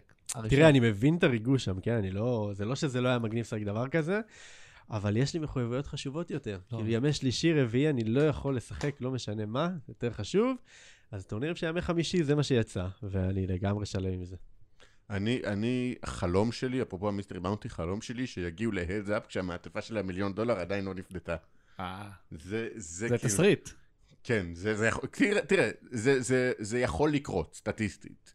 האם זה, זה, מה הסיכוי שזה יקרה, זה אפסי, אבל כאילו זה יכול להיות ממש מגניב לדעתי, יכול ליצור ממש דינמיקה בשלושה האחרונים כזה. אפשר. לעשות ICM על... אפשר לעשות אה, עסקת ICM על לא הבאונטי? לי, לא נראה לי. כנראה שלא. כאילו, עזוב, אפשר לעשות עסקה מאחורי הקלעים, אבל בטח אה, רשמי אי אפשר לעשות עסקה על הבאונטי הזה, אני לבטח. לא חושב שאפשר. קצת הורס להם את הקטע, אם תעשה דברים כן. כאלה. נכון. בוא פשוט נחלק את המעטפה של מיליון דולר בין כל השחקנים שנשארו, ו- וזהו, בדיוק, מה זה. אז התכנון הוא בעצם עד סוף יולי, ואז לחזור לארץ? לחזור לארץ. יש לי כל מיני תוכניות שלא קשורות לפוקר, שאני כנראה אעדכן עליהן בעתיד, אוקיי. אבל מבחינתי זה סוג של סגירת מעגל, הווגאס הזה, הפוקר הזה, אה, שהולך להיות שם, ובא לי, יש לי עוד כמה חלומות שבא לי להגשים. וואלה. כלומר, זה לא... אנחנו לא עוברים לגור שם אה, קבוע. לא, אין לא. לך את החלום האמריקאי. היה בעבר, בדקתי את זה בחצי שנה האחרונה, הבנתי שאני יותר מדי אוהב את ישראל, יותר ממה שחשבתי שאני כן, אוהב אה? בכנות, המשפחה, החברים, אה, המתאמנים, לא בא לי לוותר על זה, ויש פה מספיק דרכים אחרות, יש מספיק דרכים אחרות להגשים את עצמי כאן. אה, לגבי וגאס, עוד רגע, אני לא יודע אם דמי- אם זה דמיינת את זה, אני מניח שכן, אבל אם לא, אני הולך לגרום לך לדמיין את זה. אתה אורז שקית ביום 6 במיין. אתה מסייע, אתה כאילו מתעורר ביום 6 אחרי, ש- ש- ש- שלפני חצי שנה עשית את זה בדיוק, מהמם. ואתה מתחיל לשחק ואתה שורד את היום, ואתה בין ה-27 האחרונים, ש- שמתחילים את יום ש... מה, כאילו, האם אתה, אתה חושב שאתה תצליח, כאילו שזה... ש... ש... שיהיה לך משהו בראש, שאתה תצליח להתמקד במשחק כשאתה עושה, כאילו, את- אני, אני, קודם כל, דבר ראשון שאני עושה זה שולח הודעה, שמע, אתה לא מבין, קרה בדיוק מה שאמרת. זה הצעד הראשון. זה לא פעם ראשונה שיקרה בדיוק מה שאמרתי. וואלה, אני חושב שאני אוכל להתמקד. אני לא חושב שאני לא, לא אחשוב גם על, על כל הטירוף שמסביב, ועל הפרסים וכאלה, וגם מישהו שאל שאלה יפה אז בפוסט שפרסמתם, של איך מנתקים אותך מהמחשבות בדיוק. של המיין, של הפרסים הגדולים וכאלה, ואני חושב שהתשובה לזה היא שלא באמת מנתקים. הסוד בפוקר, ואני רואה הרבה אנשים שמנסים לנתק את הרגש שלהם ולא לחשוב ולא להרגיש וכאלה, בעיניי זו הטעות הכי גדולה ששחקני פוקר מנסים לעשות, להתנתק מהרגש. בעיניי הרעיון הוא להתחבר. זה דווקא לזהות את המחשבות האלה, לזהות את הרגשות, להיות מודע לזה שזה שם, וברגע שזה שם ואתה מקבל את זה בהבנה, ומבין שזה חלק מהותי מהמשחק הזה, עכשיו יש לך חופש מנטלי לבחור איך להתנהג ואיך להמשיך, וזה לפחות הגישה שלי, וזה עוזר לי מאוד. כן, זו הייתה שאלה של אה, אליסף דאואל, שאלה שעכשיו אה, אמרת. אה, באותו, כן. באותו לא עניין, מפתיע אותי, כאילו, אחלה אליסף. לגמרי. אני מניח שכאילו, בהתאם למה שאמרת מקודם, אם אתה באמת לא, ת, לא תעמוד באותה רמת הצלחה כמו של המין הקודם, שזה באמת יהיה קשה, כן? אתה, אתה, אני מניח שאתה לא תתאכזב. ש... האמת שכתבתי על זה פוסט השבוע, זה משהו שזיהיתי בחודש האחרון, אם כבר להתחבר לרגשות, זיהיתי שמשהו עוצר אותי מההחלטה לטוס חזרה לווגאס. כאילו חזרתי לארץ במטרה לחזור. כן, אמרת בהתחלה שלא בטוח שאתה... בכלל חשבת לפני הייתי- כמה זמן שלא תטוס. חשבתי אולי לוותר על זה, היו כל מיני סיבות, אבל אחת הסיבות שהכי הפתיע אותי, שגיליתי, זה שממש פחדתי לאכזב. איך גילית את זה? שאלה יפה, אני חושב שזה פשוט היה באיזשהו לילה שנכנסתי לעומק, שניסיתי להבין מה, עשיתי לעצמי אימון מנטלי של מה עוצר אותי, מה הדבר הזה שמקשה עליי לקבל את ההחלטה לעשות את זה. כי על הנייר זה חלום, לחזור לווגאס, לשחק, להזדמנות לזכות בעוד סכומים גבוהים, למה לא? וחפרתי ככה עמוק בנפש וזיהיתי איזשהו פחד. במקום לברוח מהפחד, ניסיתי להיכנס יותר לעומק, ומה הפחד? מה התסריט הגרוע? והתחלתי לדמיין את מה יכול לקרות. וחשבתי על מה יקרה אם אני אשחק את כל הטורנירים, ויהיה פחות טוב בשנה שעברה. שאני לא ארוץ טוב במיין, והטורנירים האחרים לא יתחברו לי, ואני לא אצליח ל- לייצר חיבור, או אני יכול לייצר לספר לך תוכן. איך זה. שריפה, שריפה קלה. וואלה, זה מפחיד. יש לי כן. ספוילר שלך, לא יהיה טוב כמו ש... כאילו, סיכוי מאוד נמוך שאתה תצליח יותר משהצלחת פעם קודמת. וואלה, זה, זה מה שעזר לי לפתור את הפחד הזה. להגיד לעצמי, וואלה, זה, זה בסדר. קודם כל, זה מפחיד, וזה הגיוני שזה מפחיד, אבל הכל טוב. כאילו, המטרה היא לאו דווקא להתעלות על מה שהיה פעם שעברה, המטרה היא בדיוק כמו המטרה שהייתה לי פעם שעברה, לעשות את הכי טוב שאני יודע, ולהתמודד עם מה שיבוא. יכול להיות שמה שיבוא זה צמיד אליפות עולם, ומדהים, יש לזה גם אה, כל מיני מכשולים שאולי יהיו לזה, ויכול להיות שמה שיבוא זה פשוט שריפה של חודשיים, ואולי זה מה שיבנה אותי יותר חזק מכל זכייה אחרת, ואני פתוח לגלות מה, מה וגאס מכינה לי. חשוב, חשוב גם, כל שחקן שטס לשם, בין אם הוא, בין אם הוא מקצוען, או סתם מישהו נגיד כמוני שטס לעשות uh, כיף, חשוב להיות פתוח לאופציה הזאת של, של שריפה. וזה לגמרי. בסדר, ולקבל את זה שזה זה יכול לקרות. ולבוא עם תיאום ציפיות של, ולבוא עם, עם מחשבה של אוקיי, אם אתה נשרף, ולהביא קרם הגנה. ליטרלי, אם אתה נשרף, מה, אוקיי, איך אני מתגבר על זה? כי זה בסדר להישרף, מותר. לגמרי. מה זה מותר? זה יקרה לפעמים, אתה לא חייב להפסיד את הכל, זה בשביל זה יש את כל הרעיון של ניהול בנקול ותכנון של דברים. חשוב מאוד. אבל גם בגדר התכנון שאנחנו עושים, יכול להיות ששום דבר לא ילך, יכול להיות שבכל הטורנירים שאני אשחק אני אעוף בשעה הראשונה. לא מאוד סביר, אבל יכול לקרות. לוקח את זה בחשבון.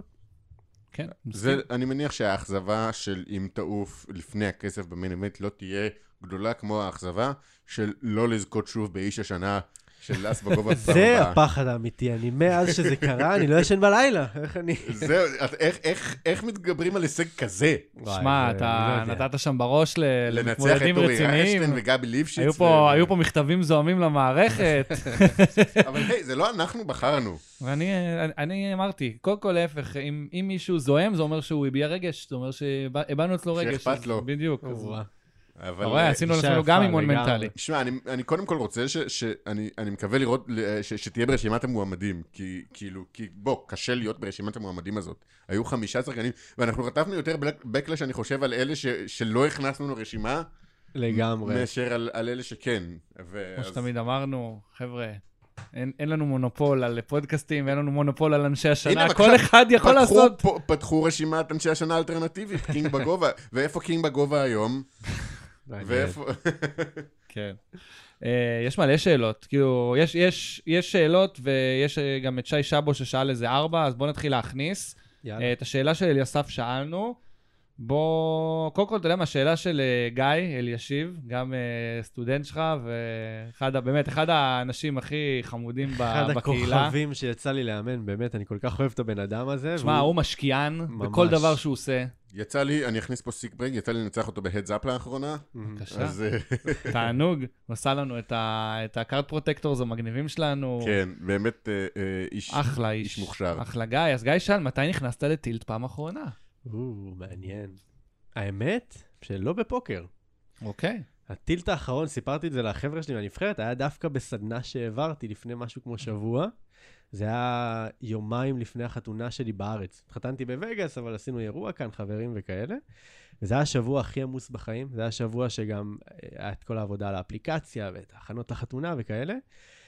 והגעתי לערב של הסדנה, יום רביעי, כמו כל שבוע, ואני, מהרגע הראשון האינטרנט קצת uh, השתבש, וקרו דברים שלא תכננתי, והאייפד לא עבד, וכל מיני, כל מה שיכל להשתבש, השתבש. ואני קולט איך אני פשוט מאבד את ה A-game. ואני יודע שאולי לחלק מהמאזינים זה פחות מעניין מ tilt במשחק, אבל לי זה הרבה יותר חשוב. כאילו להיות ב A-game שלי כמאמן זה הרבה יותר, אה, זה משהו שהרבה יותר קשה לי להכיל אם לא קורה, וזה לא קרה, לא הייתי שם ב A-game. וזה היה לי קשה, הרגשתי שאני לא מצליח לעקוב אחרי האקשן, שאני לא בריכוז, שאני לא בביטחון שיש לי בדרך כלל. רגע אחרי שזה קרה, גם התכנסתי עם עצמי לנסות להבין מה קרה שם, איך זה קרה, והדבר הבא שעשיתי זה לשתף את זה עם הנבחרת. גם אם כבר דיברנו על טעויות של כמה זה חשוב, אז כמו שאני מאמן אותם להביא את הטילטים שלהם, ברגע שאני מזהה טילט, הדבר הראשון שאני רוצה לעשות, אחרי שזיהיתי, זה אה, לקבל אותו ולשתף אותו. מה, אתה אומר להם, שומעים, אני בטילט? אה, שומעים, הייתי בטילט. כלומר, הייתי לא בשיא שלי, ואני יודע גם למה, אבל זה לא משנה. והיה לי חשוב גם להראות להם שזה בסדר, ולהראות לעצמי שזה בסדר, כי בעבר היה לי מאוד מאוד קשה. לק... אני אגיד יותר מזה, כשהתחלתי לאמן, האתגר הכי קשה עבורי היה, זה לא להיות באגם. והרי כל בן אדם מדי פעם יהיה לו באגם, אבל כשהתפקיד שלך זה לעזור לאנשים להיות באגם, אז כל פעם שאתה לא שם, זה כאילו קצת יותר קשה להכיל את זה. כן. כאילו, איך אני יכול לעזור לאחרים? אני בעצמי לא שם כרגע. ובעבר היה לי מאוד מאוד קשה להתגבר על זה, ועכשיו אני מאוד גאה בעצמי על זה שגם כשאני לא באגם, וגם כשדברים לא הולכים כמו שאני מתכנן, אני יודע להגיד לעצמי, זה בסדר, אני בן אדם, קורה, ובוא תלמד מזה ותמשיך הלאה. אמ, אז כן, זו הפעם האחרונה שהייתי בטילט. בבקשה. אני מניח שהיו עוד טילטים. קטנים בדרך, אתה יודע, כן. בחיים עצמם, אבל זה האחרון שאני זוכר. לגמרי. עצמם, בפוקר, בשולחן. אה, רפי אטיאס רוצה לדעת, אתה רגע, הרי לא, אה, newly wedded, אתה התחתנת לא מזמן. אה, בתור אדם שמדבר על היכולת שפוקר נותן לך לחיים, היית רוצה שהילדים שלך יהיו שחקני פוקר מקצוענים? ואם לא, למה? וואי, שאלה קשה.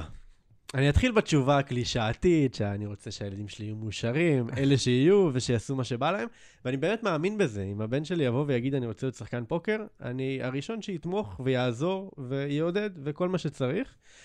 האם הייתי ממליץ להם להיות? אני חושב שלא.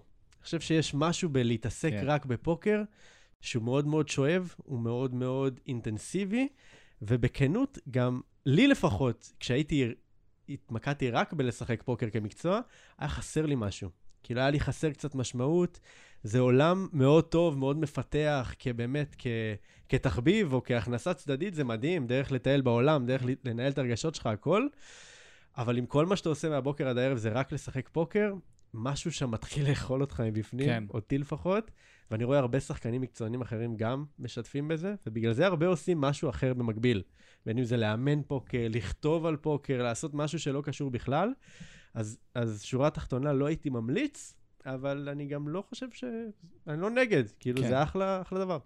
אני רוצה לשת פשוט, יוצא לי לדבר עם הרבה חבר'ה פרוז צעירים לאחרונה. אני פוגש אותם בטורנירים, ו... אני אומר כולם את אותו דבר. שוב, אני לא איזה גורו, אבל uh, נראה לי שזה כלל טוב לחיים. תכינו לעצמכם תוכנית גיבוי. פוקר זה משחק קשה. Don't quit your day job, אתה אומר. אה, את- גם אם you quit your day job, לא יודע, תלמדו משהו, תעשו תואר במשהו, קחו איזה קורס, ת, תשאירו לעצמכם את האופציה הזו, כי גם יכול להיות שהמשחק הזה יבוא ואיזשהו יום הוא כל כך יאכל אתכם בפנים, שתגידו, וואלה, לא רוצה לעשות את החרא הזה יותר. ואז אם אין לך תוכנית גיבוי, יהיה לך קשה להתרומם מזה. אז תכינו לעצמכם תוכנית גיבוי. אה, מסכים. אני לא יודע בדיוק להגיד איזה תוכנית גיבוי, מה, כל אחד זיהה איזה שלו, יש כאלה שיעדיפו תואר, יש כאלה שיעדיפו כן. אולי עסק במקביל, שלא יודע, עושה להם איזה הכנסה פסיבית, אם מצליחים. משהו שלא קשור לפוקר, אני מציע שהוא כן. יהיה כגיבוי. לגמרי. וגם הייתי ממליץ לעשות את זה בהדרגה. כלומר, לא להפוך להיות משכיר שכל הפרנסה שלו רק מזה, ליאללה, אני עכשיו אה, שחקן פוקר time, בלבד, אלא לראות שבאמת גם נהנים מזה וגם מצליחים להרוויח מזה כחצי משרה, ואם רואים שאוהבים וטובים בזה, יאללה. מרגיש לי שבסוף הדבר הזה, אנחנו מדברים פה על מין אה, אה, דמויות כאלה, אתה אומר פרוז צעירים, אתה אומר זה, אני מרגיש כאילו צריך להוסיף, ומי שיודע על מי אני מדבר, הוא יודע על מי אני מדבר. כאילו- כאילו, יש כמה דמויות בס- ב- ב- בפוקר לא, הישראלי. ברור, ש- ג- ג- גם מי שדיברתי איתו על זה יודע שאני מדבר אליו. כן. שניים לפחות יודעים את זה. אמ, טוב, עוד שאלות. אה, בוא נראה, בוא נראה, בוא נראה, בוא נראה, בוא נראה. אמ, טוב, תכף נגיע לשאלה על הסקיירד מאני. טוב, לשי שבו, המלך, היו כמה שאלות. למרות שהוא מלכלך על מכבי חיפה בטוויטר יותר מדי לאחרונה. אמ, קודם כל, האם היה לך אירוע, האם היה אירוע מרכזי שגרם לך להתעמק במנטליות של הפוקר? היה לך איזה, איזה התגלות כזאת, איזה אפיפני של... אה, פיפני לא, אבל אני חושב שהיו שני אירועים מרכזיים שגרמו לי להיכנס לזה לעומק. והראשון התחיל בווגאס לפני שמונה, תשע שנים, שהייתי פעם ראשונה. פעם שנייה, באתי בהתחלה לחודש, ראיתי כי טוב, ואז באתי שוב, עשיתי הפסקה מהלימודים, והחלטתי שיאללה, אני עושה את זה כמקצוע. וחצי שנה רק שיחקתי פוקר, לא היה לי את האימון במקביל, זה היה שישה, שבעה ימים בשבוע שאני משחק.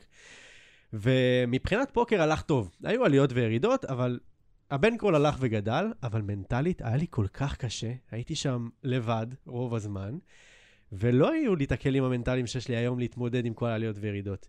דיברתי על זה קודם, הייתי עושה טעויות, הייתי חוזר למלון או לדירה שהייתי שם, ויכול לא לישון בלילה באמת, ולאכול את עצמי כמה ימים, וזה היה קשוח. עד שהגעתי למצב שאמרתי, די, אני לא יכול עם המשחק הזה. כאילו, עם כל הכבוד לרווח שהמשחק הזה נותן, פשוט גובה מחירים גבוהים מדי מהחיים. חזרתי לסיים את התואר, והבנתי שאם אני ממשיך עם הפוקר, זה חייב להיות עם איזשהו שינוי מנטלי. ונחשפתי לעולם הזה של ניהול רגשות, של אימון מנטלי, וזה פתח לי פה צ'קרות שבאמת... אני לא יודע איך הייתי יכול להגיע לזה אם לא הפוקר, כאילו, אם היה לי את המזל להיחשף לזה, אבל הפוקר לשמחתי עשה את זה. זה אחד, זה עזר לי ללמוד את זה יותר לעומק. והשני שאולי יותר מפתיע, זה היה דווקא כשחזרתי מהודו, וזה היה בתקופה שלא שיחקתי פוקר הרבה זמן, ובדיוק סיימתי את התפקיד שלי באקדמיה, וחשבתי שאני שם את הפוקר בצד, ובאמת עשיתי את זה תקופה. ואז בוקר אחד, קמתי, כשחצי פרצוף שלי משותק. פציאליס, ה... כן. דיברנו על זה, שגם לאשתי היה את זה. זה... נכון, נכון, נכון. אז זה, מלח... זה סיטואציה מלחיצה בטירוף. מלחיצה מאוד, ובכנות, בלי הכלים של הפוקר, אני לא יודע איך הייתי מתמודד עם זה. זה הגיע למצב שכאילו, אתה יודע, לא ידעתי מה זה. הגעתי לרופא, והוא אומר לי, אה, זה בסדר, זה נקרא בלס פלסי, ו-80% שזה עובר. כן. ואתה יודע, באותו רגע כל מה שעובר לי בראש זה 80% שהוא... זה אני, בדיוק. אני, אני, יפגעו עליי את הסט הזה וזה לא כן, ישתחרר. כאילו, אני יודע מה זה 20 אחוז, זה קורה, אח שלי, זה קורה. ווואלה, זה היה מפחיד. זה ברמה שאני כאילו לא, לא כל כך מצליח לדבר, אני צריך לישון עם רטייה בלילה, כי אני חייב שהעין תיסגר עד הסוף. כן. וזו הייתה תקופה שכאילו, אתה יודע, כל הפחדים של מה יהיה, אני בדיוק גם הפסקתי את התפקיד שלי. ידעתי שאני רוצה אה, להתחיל לאמן, זה היה לי כבר בראש, אבל איך אני אמור לאמן שאני לא מצליח לדבר? ודווקא שם זה הגיע לי בשיא הכוח, שפתאום ראיתי שהכלים מהפוקר, ההתמודדות עם טילט, עם הפסדים, כי זה, זה סוג של שבירה שפתאום זה קורה לך משום מקום. כן. והדרך שבה הצלחתי להתמודד עם זה עזרה לי להבין כמה הכלים המנטליים של הפוקר לא רלוונטיים רק לפוקר. זה כל כך חשוב לנהל את זה נכון גם בחיים עצמם, ושם זה עשה לי את החיבור של מאמן מנטלי לשחקני פוקר, אה, ומשם הכל היסטוריה. בבקשה. וואי, לא חשבתי שעל זה אני אדבר כאן היום. שאלה, אבל תשמע, זו שאלה טובה, וזה... ממש. זה... אני ממשיך עם אה, שבו, הוא שואל, בריצה העמוקה שלך, ב- ב- במיין אבנט, מה אתה חושב שיותר עזר לך אה, במשחק? העבודה על המנטליות או על העבודה על הצד הטכני של המשחק, העבודה על ה... על ה- וואי, שאלות טובות יש לו ל... כן, כן. לשי. לצהוב הזה. נתן פה ארבע. כול- כולם טובות, אגב, נקריא את. כולן, כן.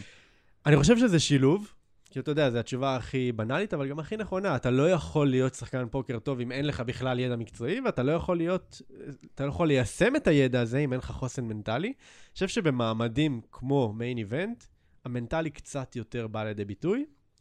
אמ, כי פשוט לא משנה כמה ידע יש לך, אם אתה יושב בשולחן והפחד לעוף, או הפחד להפסיד, או הפחד שמה שלא יהיה יהיה שם, אם הוא מנהל אותך, אז אתה לא יכול ליישם את הידע, אז מה זה שווה? כן. אז לגמרי המנטלי היה יותר משמעותי, אבל אתה יודע, בלי הידע המקצועי, כנראה שהייתי עף מוקדם יותר. אה, הוא שאל גם אם יש מנטליות שונה לקאש ולטורנירים. וואלה, וואו. באמת הביא כאן שאלות טובות. כן. אני, אני, אני, נראה לי שהתשובה היא ברור שכן. יש, אני אנסה לחשוב ככה על רגל אחת, אני בטוח שאפשר למצוא המון. אני חושב שהדבר המרכזי זה שבטורניר יש הרבה יותר פחד. זה הרגש הדומיננטי, אנשים מפחדים לעוף, מפחדים להפסיד את הערימה שלהם, בין אם זה לפני הבא, בין לפני הפיינל. יש שם יותר פחד שמנהל אותך, וזה בא לשני הכיוונים. מצד אחד, איך אני מנהל את זה בעצמי, מצד שני, איך אני מנצל את כל האחרים שמפחדים לעוף, ואיך אני מפעיל עליהם לחץ. כשבקאש לעומת זאת, זה פחות. אתה יודע, אתה מפסיד יד בקאש, אתה תמיד, או לרוב, יכול לקנות עוד ערימה.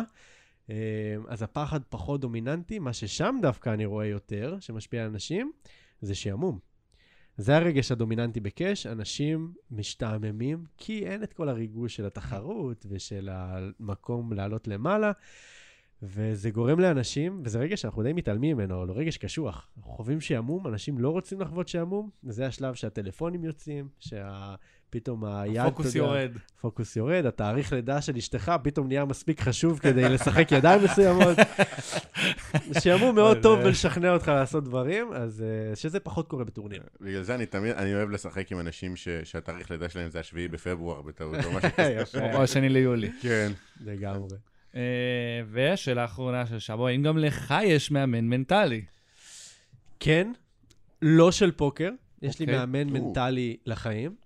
אני חושב שגם, אמרנו, מחובתי כמאמן זה לשתף בטעויות, אני חושב שכחובתי כמאמן זה להתאמן גם בעצמי. אה, אם מישהו רוצה ללכת לאיזשהו מאמן, אני חושב שהשאלה הראשונה שהוא צריך לשאול אותך, אותו, זה מי מאמן אותך? כי אם זה מאמן שהוא לא מתאמן בעצמו, זה כבר אומר משהו. אה, אז המאמן שלי מאמן מדהים, אני לא... ומי המאמן שלו? שאלה יפה. האמת שגם לו יש. ואני רוצה, זהו, ויש, מתישהו יש איזשהו מאמן שהוא כאילו, הוא- הלמעלה, הוא הרמטכ"ל של המאמנים. אני חושב שגם לא אמור להיות מאמן. כי אתה יודע, אין פה למעלה או זהו, אני מתחת. חושב שלא צריך להסתכל על למעלה ולמעלה, זה לא. מעגל, וזה לא דרגות, זה לא מדרגות, זה מעגל. קצת לגמרי. נכנסנו לעומק פה, אבל ממש, ואני לא, זה ממש לא מפחד מזה. כמו שהפסיכולוגית שלי סיפרה, שכל כל, אה, פסיכולוג הוא גם מטופל בעצמו אצל פסיכולוג אחר. חייב, אני חושב שלפסיכולוגים, אל תתפסו אותי במילה, אני חושב שהם חייבים כן. לעבור איזושהי... אה, לא, לי איזשהו זה אימון. מזכיר דווקא יות- משהו יותר לעולם שלנו, ששחקן פוקר שמאמן שחקן פוקר, אני חושב שאייק הקסטון מאמן את אה, מוסטפא קאניץ' שמאמן את אה, אה, שחקן אה, אה, ברמה יותר נמוכה, והוא מזמן אותו, ויש מין שרשרת כזאת של שחקני פוקר שכולם מתאמנים אצל מישהו, ומתישהו בסוף זה מגיע לרמה הגבוהה ביותר, שכאילו של... למייקל אדמו. למייקל אדם, בדיוק. שלא מאמן אף אחד. שלא, ש- ש- שהסולברים מתאמנים אצלו. יפה. אה, שלפני הסקרד מאני הייתה עוד שאלה של גדי שמשון, אלקנה, תקריא אותה. גדי שמשון, אגב, אה, בחור מקסים, אני רוצה לתת לו שאוט קטן, הוא, הוא חלק מה, מהקבוצה של אה, קיקר ש, שדיברנו... והוא ראיין אותך. והוא ראיין אותי שבוע שעבר, אה, אה, התפרסם בקבוצה של קיקר, שמתי אה, לינק בטלגרם. אה, כנסו גם לקבוצה של קיקר, יש שם אחלה תכנים, אה, קסיאס כותב שם, גבי ליפשיץ, אה, שי גבור צור, אה, מלא אנשים טובים, כותבים תוכן מאוד מעניין, והוא עשה ראיון איתי, דיבר איתי על, אה, גם על פוקר, אבל גם על אה, שקשוקה ועל סטנדאפ משום מה. אה, ו- הרגשתי, הרגשתי, הרגשתי כמו אימא גאה כזה, שה... כן, שה- כאילו שהבן שלה מתראיין. מעניין למה אימא טוב. ולא אבא גאה, אבל בסדר. מעניין. וגדי בחירה- שואל, בחירה- בחירה רנדומלית לחלוטין. יש, יש בזה רגע שמאי גם. כן. הוא, הוא שואל, בסיפור, בסיפורים על ה main event, תמיד אומרים שזה field מלא כבשים ועמוס חובבנים שבאו בשביל חוויה. אז זה, באמת, מהניסיון שלך זה נכון? לא, כי לעוף אחרי, במילותיו שלו, לעוף אחרי ארבע שעות, כי רדפת אחרי חשווה, זה fucking חוויה יקרה. שמע, מהניסיון האישי שלי, כמו שאמרתי קודם, היה לי את השולחן הכי הכי קשוח שיש ביום הראשון, אבל זה נכון, יש שם המון חובבנים, וראיתי את זה ביום השלישי, הרביעי, שדווקא שם, איכשהו נתקלתי בשחקנים החלשים יותר. כי לפעמים פוגעים בחשווה הזאת. לגמרי, וכן, זו חוויה יקרה, אבל יקר זה, אתה יודע, סובייקטיבי. כאילו, יש אנשים שבשבילם 10,000 דולר זה, זה כסף קטן, לעומת, אה, לא יודע, כניסה ב-200 שקל פה בארץ לחלק מהאנשים כן. אחרים. אז כן, יש הרבה אנשים שבשבילם זה לא הוצאה גדולה, אבל הסיכוי להיות אלוף עולם לגמרי שווה את זה, אפילו אם הם לא יודעים כל כך את החוקים. קווי ווין. מה שמוביל אותנו לשאלה אה, של אילי רשף, אה, ששואל איך מתמודדים עם סקרד מאני לאורך ההתקדמות בטורניר כזה גדול. חלקנה מתרגש, כי הוא יודע שהולכת לבוא היד גם כן. עכשיו. בוא רק נסביר, סקרד מאני זה שחקן שוואלה, ב- בטח במיין, שם את העשרת אלפים, הוא ממש רוצה להיכנס לכסף ומפחד לעוף. כי להפסיד את העשרת אלפים האלה, הוא... זה כבד עליו. איזה, איזה אלה כל הזמן ש, ששומעים, שמעלים ספוטים של מה אתה עושה אם יש לך אסים במיין, בבאבל של המיין איבנט. יאללה, מה אתם סקרד מאני? אבל זה בסדר להיות scared money. זה לג- לא- זה לא- זה לא- זה לא טוב אולי למשחק שלך, אבל זה בסדר להיות, אה, אתה יודע, אמרת כאן שלך. במשפט את, ה... את הדעה שיש לי על הדבר הזה, אני חושב שזה בסדר להיות scared money, אפשר ללכת צעד אחד אחורה. יש פתרונות כדי להימנע מהמצב הזה כמה שיותר, וזה נקרא ניהול bankroll. כן. כלומר, אתה יכול לנהל את החשבון פוקר שלך בצורה כזאת שתשחק משחקים שלא יפחיד אותך אם תפסיד. ואני חושב שזה משהו מאוד מאוד מאוד חשוב לעשות. לאו דווקא עכשיו, אה, כאילו גם אם אתה לא מקצוען עכשיו, שזה כל מה שאתה עושה, זה עדיין כדאי שיהיה איזשהו מעקב, איזושהי בקרה, שתגביל את עצמך באיזשהו מובן, כי זה נותן איזושהי מסגרת, וזה נותן דרך טובה גם לדעת כמה אתה מתקדם. וזה מונע את הדבר הזה, שנקרא scared money. אם אתה מגביל את המשחק שלך לסכומים שאתה יכול להרשות לעצמך, אתה יושב בשולחן ומשחק עם ביטחון. אבל נניח שרוב האנשים, כמו שאנחנו יודעים, לא עושים את זה, ואין להם את הניהול bankroll, אז כן, קורה מצב שמשחקים טורניר, שאתה מאוד מאוד מפחד על הכניסה, ואתה רואה את זה מאוד קורה במיין איבנט, ואנשים, זה מאוד בולט. ביום הראשון, שוב, זה לא ממש היה בולט. השחקנים שהיו שם, לא ראיתי מהם איזשהו סממן. ביום השני, כן. ביום השני, קצת מתחילים טיפה להרגיש את, ה, את הכסף. גם זה שאתה לא רוצה לעוף ביום השני, כאילו זה לא, לא כיף. אה, ואנשים מתחילים להיזהר. ואפשר לחלק את זה לשתיים. יש את איך אתה מתמודד בעצמך עם scared money, ואיך אתה מתמודד עם שחקנים אחרים שהם scared money. אז ברמה שלנו, זה מה שאתה אמרת. זה לקבל את זה בהבנה שזה בסדר. זה לא להתנתק מהרגש, לא להגיד לעצמי, אני לא מפחד, זה בסדר, אני סבבה. זה להגיד, אני כן מפחד, אני לא רוצה לעוף, אני מפחד על הכניסה שלי, אבל זה בסדר, זה בסך הכל אומר שאני רוצה לנצח, אני רוצה להמשיך לשחק, אני רוצה לשחק את הכי טוב שלי, ומהמקום הזה של הפחד, להפוך את זה לאיזושהי תשוקה, כדי לשחק את הכי טוב שלך. כן. זה משהו אחד. אוקיי. איך מתמודדים עם אחרים שהם scared money? יש לכם רעיונות? לפני שאני אגיד מה אני עשיתי? פשוט אה, over, over בתקופה. אז כן, בקצרה זה משהו כזה. פשוט לבלף המון. ב cash אני כמעט ולא אמליץ לבלף שחקנים, בטח ב cash הישראלי, שאנשים לא כל כך מה אוהבים יש לקפל. בזה? בדיוק. כלכלי, כלכלי. אוהבים לעשות תשלומי? גבורה. אני ראיתי שחקן כאילו משלם ואומר מה יש בזה על סכום שבקאש, סכום שאני, אה, כאילו, עשה לי חום רק ל- לראות אותו משלם, גם אם יש לו או גם אם אין לו, אז כאילו, אז מה? זה מה ש... כן, כן, כן, רואים את זה המון, ובגלל זה פשוט הדרך הכי טובה, אגב, דיברנו מקצועי, מנטלי קודם, כמה זה חשוב השילוב. אני חושב שהאזור, הש... אני מסתכל על זה כמין מעגל. יש את המנטלי, שזה הבסיס, ההתנהלות, הדרך שבה אתה מיישם את הידע שיש לך. אחרי זה יש את החלק המקצועי, כל האסטרטגיה, והחלק השלישי, שלא נגענו בו היום, אבל זה לגמרי שווה פרק אפילו, זה כל החלק של ההתאמות, של הקריאת שחקנים, לגמרי נכנס שם, וזה גם מתלבש לי לסקיירד מאני. הדרך לנצל שחקנים שהם כרגע מפחדים, בין אם זה בגלל שהטורניר גדול מדי, בין אם זה כי עכשיו אנחנו לקראת הבאבל ואנשים לא רוצים לעוף, זה פשוט לבלף אותם הרבה יותר ממה שאנחנו רגילים, מהמם. וזה מה שקרה באחת הידיים הכי מפחידות שהיו לי בחיים. אז רגע, אם אתה אומר שאתה מבלף אותם, זה, זה מגלה לנו משהו על, על, על תוצאת היד, או שאני לא יודע כלום? אני פשוט אה, אבחר לא לענות על זה כרגע. בוא בוא נשמע את. היד. כן. בוא נשמע. אה, כאן אני פונה לכל המקצוענים, אתם יכולים לה- להריץ פורוורד כמה דקות.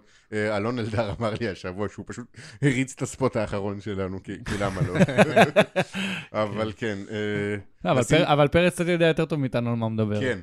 אוקיי, אבל בוא נתח את היד אולי, הזו אבל ביחד. גם ביד הזאת, לא שיחקתי GTO-ית.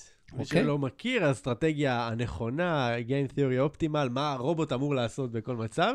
מה מייקל דווקא- הוא אמור לעשות בכל מצב? בדיוק. אז זה לאו דווקא זה, אבל כן אולי אפשר לקחת מזה כמה דברים, ובעיקר לנסות להתחבר לסיטואציה של מה אתם הייתם עושים אם הייתם שם.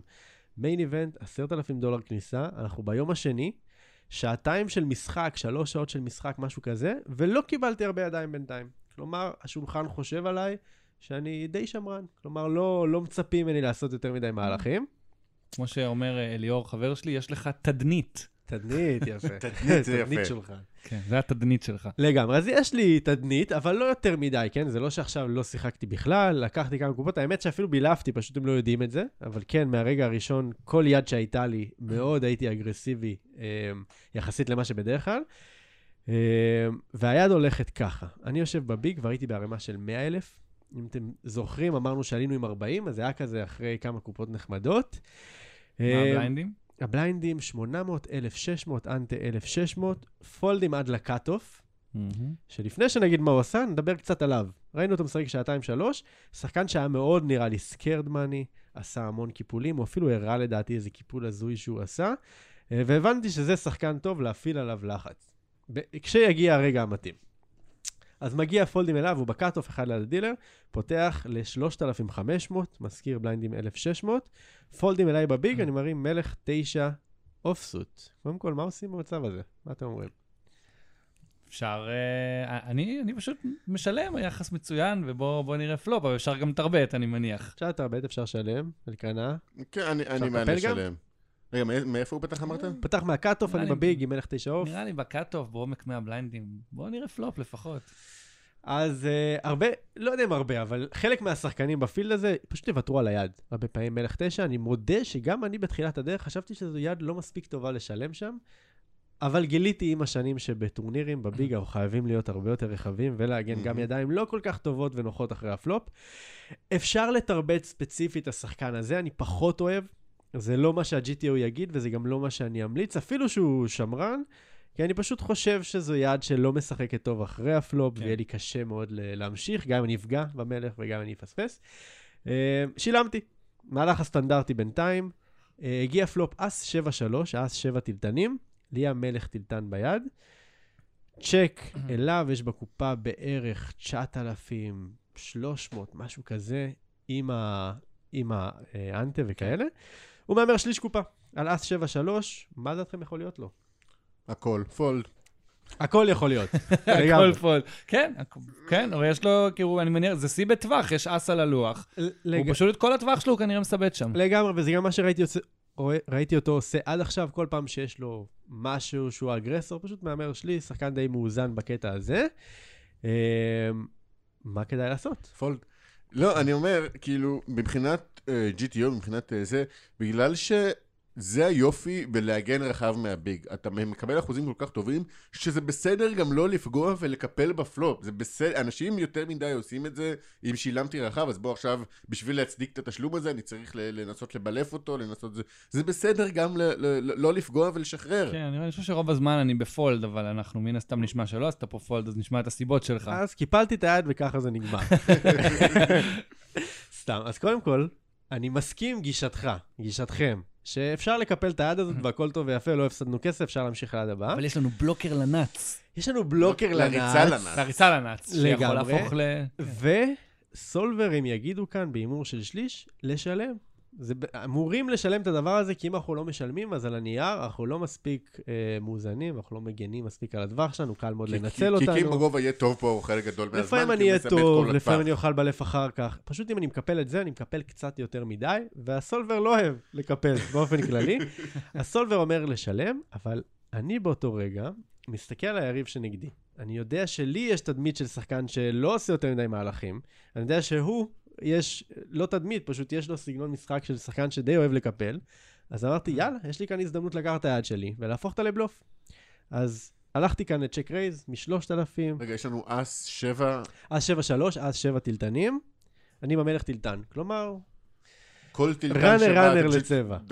מפציץ... אה, אה, בגדול, התקווה העיקרית שלי זה לקחת את הקופה כאן ועכשיו. כן, שהוא יקבל. והרבה פעמים זה יקרה, כי רוב הזמן לא יהיה לו את האס. ואני, כשאני חוזר שם, כן נראה שיש לי משהו. זה יכול להיות סט, זה יכול להיות uh, יד חזקה אחרת, אבל אני כן לוקח בחשבון שהוא יכול לשים אותי גם על ריצה לצבע.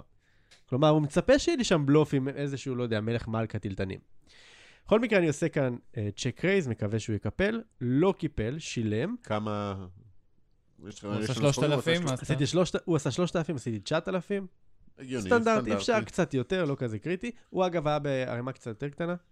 אה, היה לו עומק של 50 בליינדים בתחילת היד, לא קריטי לכרגע. אה, אז אני חוזר עליו שם, והוא משלם, אבל אני רואה עליו שהוא לא אוהב את זה בכלל. הוא גם לקח לו קצת הזמן, אני לא חושב שזה ריצה לצבע. לדעתי ריצה לצבע משלם יותר מהר. אני גם קצת חוסם, אבל זאת לא הסיבה העיקרית. אז זה השלב שבו אנחנו שמים את השחקן על יד מאוד ספציפית במקום על טווח. לא, אני לא שם אותו על. יד. ג'קי, מעניין. אני דווקא חושב שיותר אז לכיוון. אני לעולם לא אנחש כאן יד בודדת, אבל ניסיתי לחשוב על אזור. והאזור לדעתי זה אס משהו לרוב, כן. כי ריצה לצבע, שוב, בהתנהגות זה לא נראה ככה, אני חושב שלרוב או ישלמו מהר יותר, או שמשהו יסתכל עליו, זה יותר כזה יתחיל לספור את הקופה, מה- כמה יכול להיות וכאלה, וישלם. פה הוא הסתכל עליי, הוא כאילו ניסה להבין, אני מבלף, אני לא מבלף, כאילו כזה, והחליט לשלם, כאילו בראש אני שומע אותו אומר, יאללה, בוא ננסה עוד פעם אחת, ונראה. מגיע בטרן, ארבע טילטן. יש לנו אס, שבע, שלוש, ארבע, של, שלושה תלתנים. מה אתה? חוסם את ה nuts, הוא נראה מפחד. אם כבר צ'יקרזנו את הפלופ הזה, אין קלף יותר מושלם פשוט. זה ל- גם אה, קלף שלא רע לטווח שלך. לגמרי. אה, אתה יכול, יכולת לעשות שם check raise עם gutshot, אתה, כלומר, יש הרבה יותר 5-6 עם בטווח שלך ובטווח שלו. בדיוק, אפילו אם הוא חושב שבילפתי שם, אני לא חושב שהוא חושב שאני מבלף יותר מדי במעמד הזה או כן. במצב הזה, אבל גם אם הוא חושב שאני מבלף, הוא אומר, אוקיי, הגיע פה תלתן, סגר לו את הצבע, הגיע 4, סגר 5, 6, כאלה. קלף מפחיד מאוד עבורו, דמיין אותך יושב במקומו עם איזה אס מלכה כאן. והיריב שלך. אומר שוב, לא כיף, לא במעמד הזה, לא במצב הזה, אני מכסה אותו בקצת. והרווחת עוד equity. מס... אה, והרווחת עוד לגמרי equity עוד משמעותי. סיבה חשובה, כלומר, יש לי עדיין כן. סיכוי להשתפר, ל nuts, אז כמובן שזה הקלף הכי טוב שאני רוצה להמשיך עליו. יש 28,000 בקופה, יש לו משהו כמו 70... קצת פחות שתיים. מ-70 לפי הזה, כן. משהו כמו 70 מאחורה, מה עושים? כמה מהמרים? אה, אני- מניח שאתה רוצה להכין כמה שיותר קרוב לדחיפה לריבר כדי להעמיד אותו בספוט מאוד לא נעים. שאלה. אתה חושב שמסוג השחקן, לא יודע, נניח שיש לו פה באמת את האס אס חזק, אולי אס בינוני, אולי אס חלש, אתה חושב שאם אתה נותן לו צ'ק הוא מהמר אס כזה? או שהוא תמיד נותן צ'ק מאחורה? כי אם זה שחקן שיאמר, אני, אני, אני, אני, אני אוהב על, על כאילו, על עוד double check raise. double check raise, מעניין. כאילו, אני- אם, אם, אם מיד כזה, אם, זה, אם אנחנו חושבים שזה שחקן ש- שיאמר פה אה, אס. אני לא יודע להגיד, בכנות, אני לא רוצה להמציא לך מה... אני לא חושב שלרוב הוא יאמר שם מס, הוא היה נראה לי על הצד השמרני יותר, ושלרוב פשוט זה עובר ב check check, וב river, אני יכול עדיין לנסות לקחת את זה. אבל שם הוא יותר, אם זה עובר ב check check, שם הוא יותר... זהו, אני חושב שפה כבר הוא ירצה לשלם, אני לא מסכן את כל הערימה שלו, וכאילו, אה, יהיה לו קשה יותר לקפל את זה. אז כן, אז עדיף כנראה להמר פה. אמרנו שיש 28 בקופה ויש לו בריא, ש- אני- ויש לו 70 מאחורה. הימור כן. בריא של אתה- איזה 20, 25. אתה לא חייב אפילו 20-25, אתה יכול לעשות אה, בין, בין חצי לשני שלי כזה, לעשות קצת יותר מחצי, ואתה כבר ב-SPR 1 בריבר. לגמרי. אז הלכתי לכיוון הזה, אני חושב פשוט שגם הימור לא גדול מדי, 15 כזה. גם קצת יותר יגרום לו לחשוב שהנה, זה הגיע. הצבע שהוא רצה. זה הvalue, הוא כן, לא מנסה כן. להבריח אותי. 14, 12, 15 כן, כזה. כן. כן, אז עשיתי 14 לקופה של 27, חצי זה היה. קצת יותר מחצי. אמ, הוא חושב, מתלבט. בשלב הזה אני חושב שאם יש לו אס דם ענקי, כלומר בלי איזה ריצה לצבע, יש סיכוי שהוא מקפל את זה כבר עכשיו. זה סוג השחקן כן. אני שחשבתי שהוא. אישית כבר משתין מפחד אם יש לי שם הסלמה. לגמרי. אה, ובכל זאת, אני רואה אותו ממש, אני, אני את הבפנים שלו מזיע מבפנים כזה, ואני רואה שלא כיף לו, וזה לא נראה כמו הצגה, הוא לא מסוג השחקנים שיעשו ככה, אבל בכל זאת משלם. אוקיי. וזה נראה לי כמו משהו, או אס king שעדיין לא מצליח לשחרר, או אולי אס אחר שיש לו גם ריצה, אה, ריצה אחורית לצבע, שעכשיו נפתח לו כאילו. אס 6 אס 5 כאילו? אולי אפילו אס נסיך עם אס נסיך תלתן כזה, כן. שיש לו סיכוי להשתפר. לגבי על אותו? משקל. יש לו שם אס 7. אז יכול להיות זוגות, אבל זה שהוא שילם לי. באיטיות, כאילו לא היה לו נוח כל כך לשלם לי בפלופ, לפחות איך שזה היה נראה לי. פחות חשבתי, אבל לא שולל, לגמרי יכול להיות. צבע, הכי פחות חשבתי. גם כמה שהיה לו קשה לשלם, וגם מזה שבפלופ הוא לקח לו את הזמן, וראיתי שהוא באמת מתלבט. אמ, משלם, ומגיע ריבר. ניחושים? יש לו בערך קופה מאחורה כאן, אני חושב יש יש כבר 50 קופה מאחורה, היה יש זה לו- 55 והיה לו 57, קצת יותר מקופה, היה לו משהו עוד. אס. לא, סתם. לא. הגיע שמונה, לא קשור לכלום, בלנק. לא טילטן, סוג של בלנק. מבאס, רציתי לראות את הטילטן, רציתי שתהיה לי את החזקה, לא רציתי להיות בספוט הזה של להתלבט מה עושים כאן.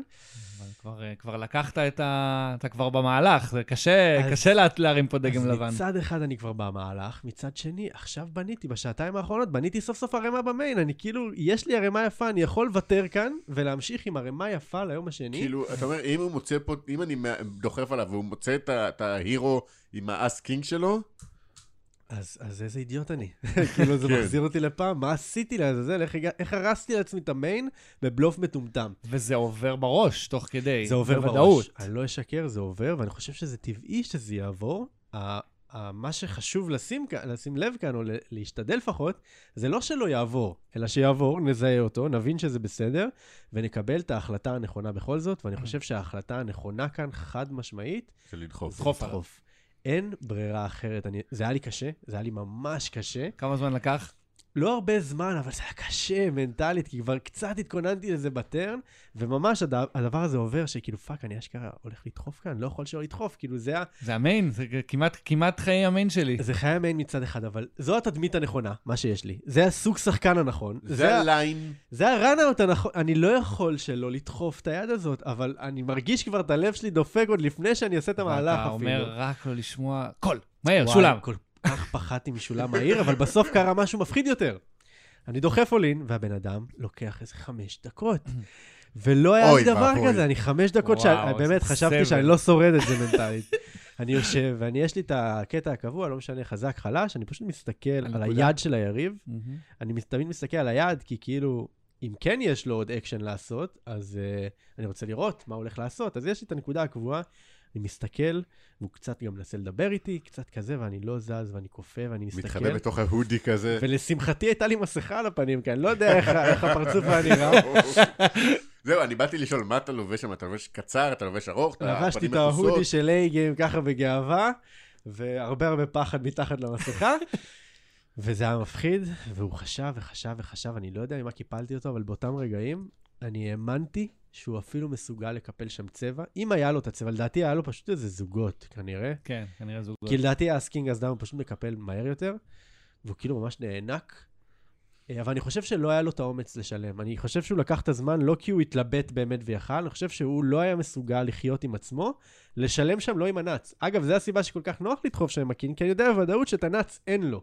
ועכשיו לסכן כלומר, את אם יש כל לו יד הערימה כמו שלך, 10-8 תלתנים, הוא- הוא הוא עדיין בעולם של חרא שם. לגמרי, ואני מזכיר לכם, זה, זה main event, ויש לו עדיין ערימה של מעל 30 בליינדים, גם אם הוא מקפל, הוא לא ימהר להכניס את הכסף אם הוא לא ה nuts, ועכשיו מהצד שלי גם, מה יגרום לו לחשוד שאני לא nuts? כאילו עשיתי check raise ב flop על הלוח של השני תלתנים, הגיע התלתן, המשכתי להמר די קטן, ודחפתי ב river.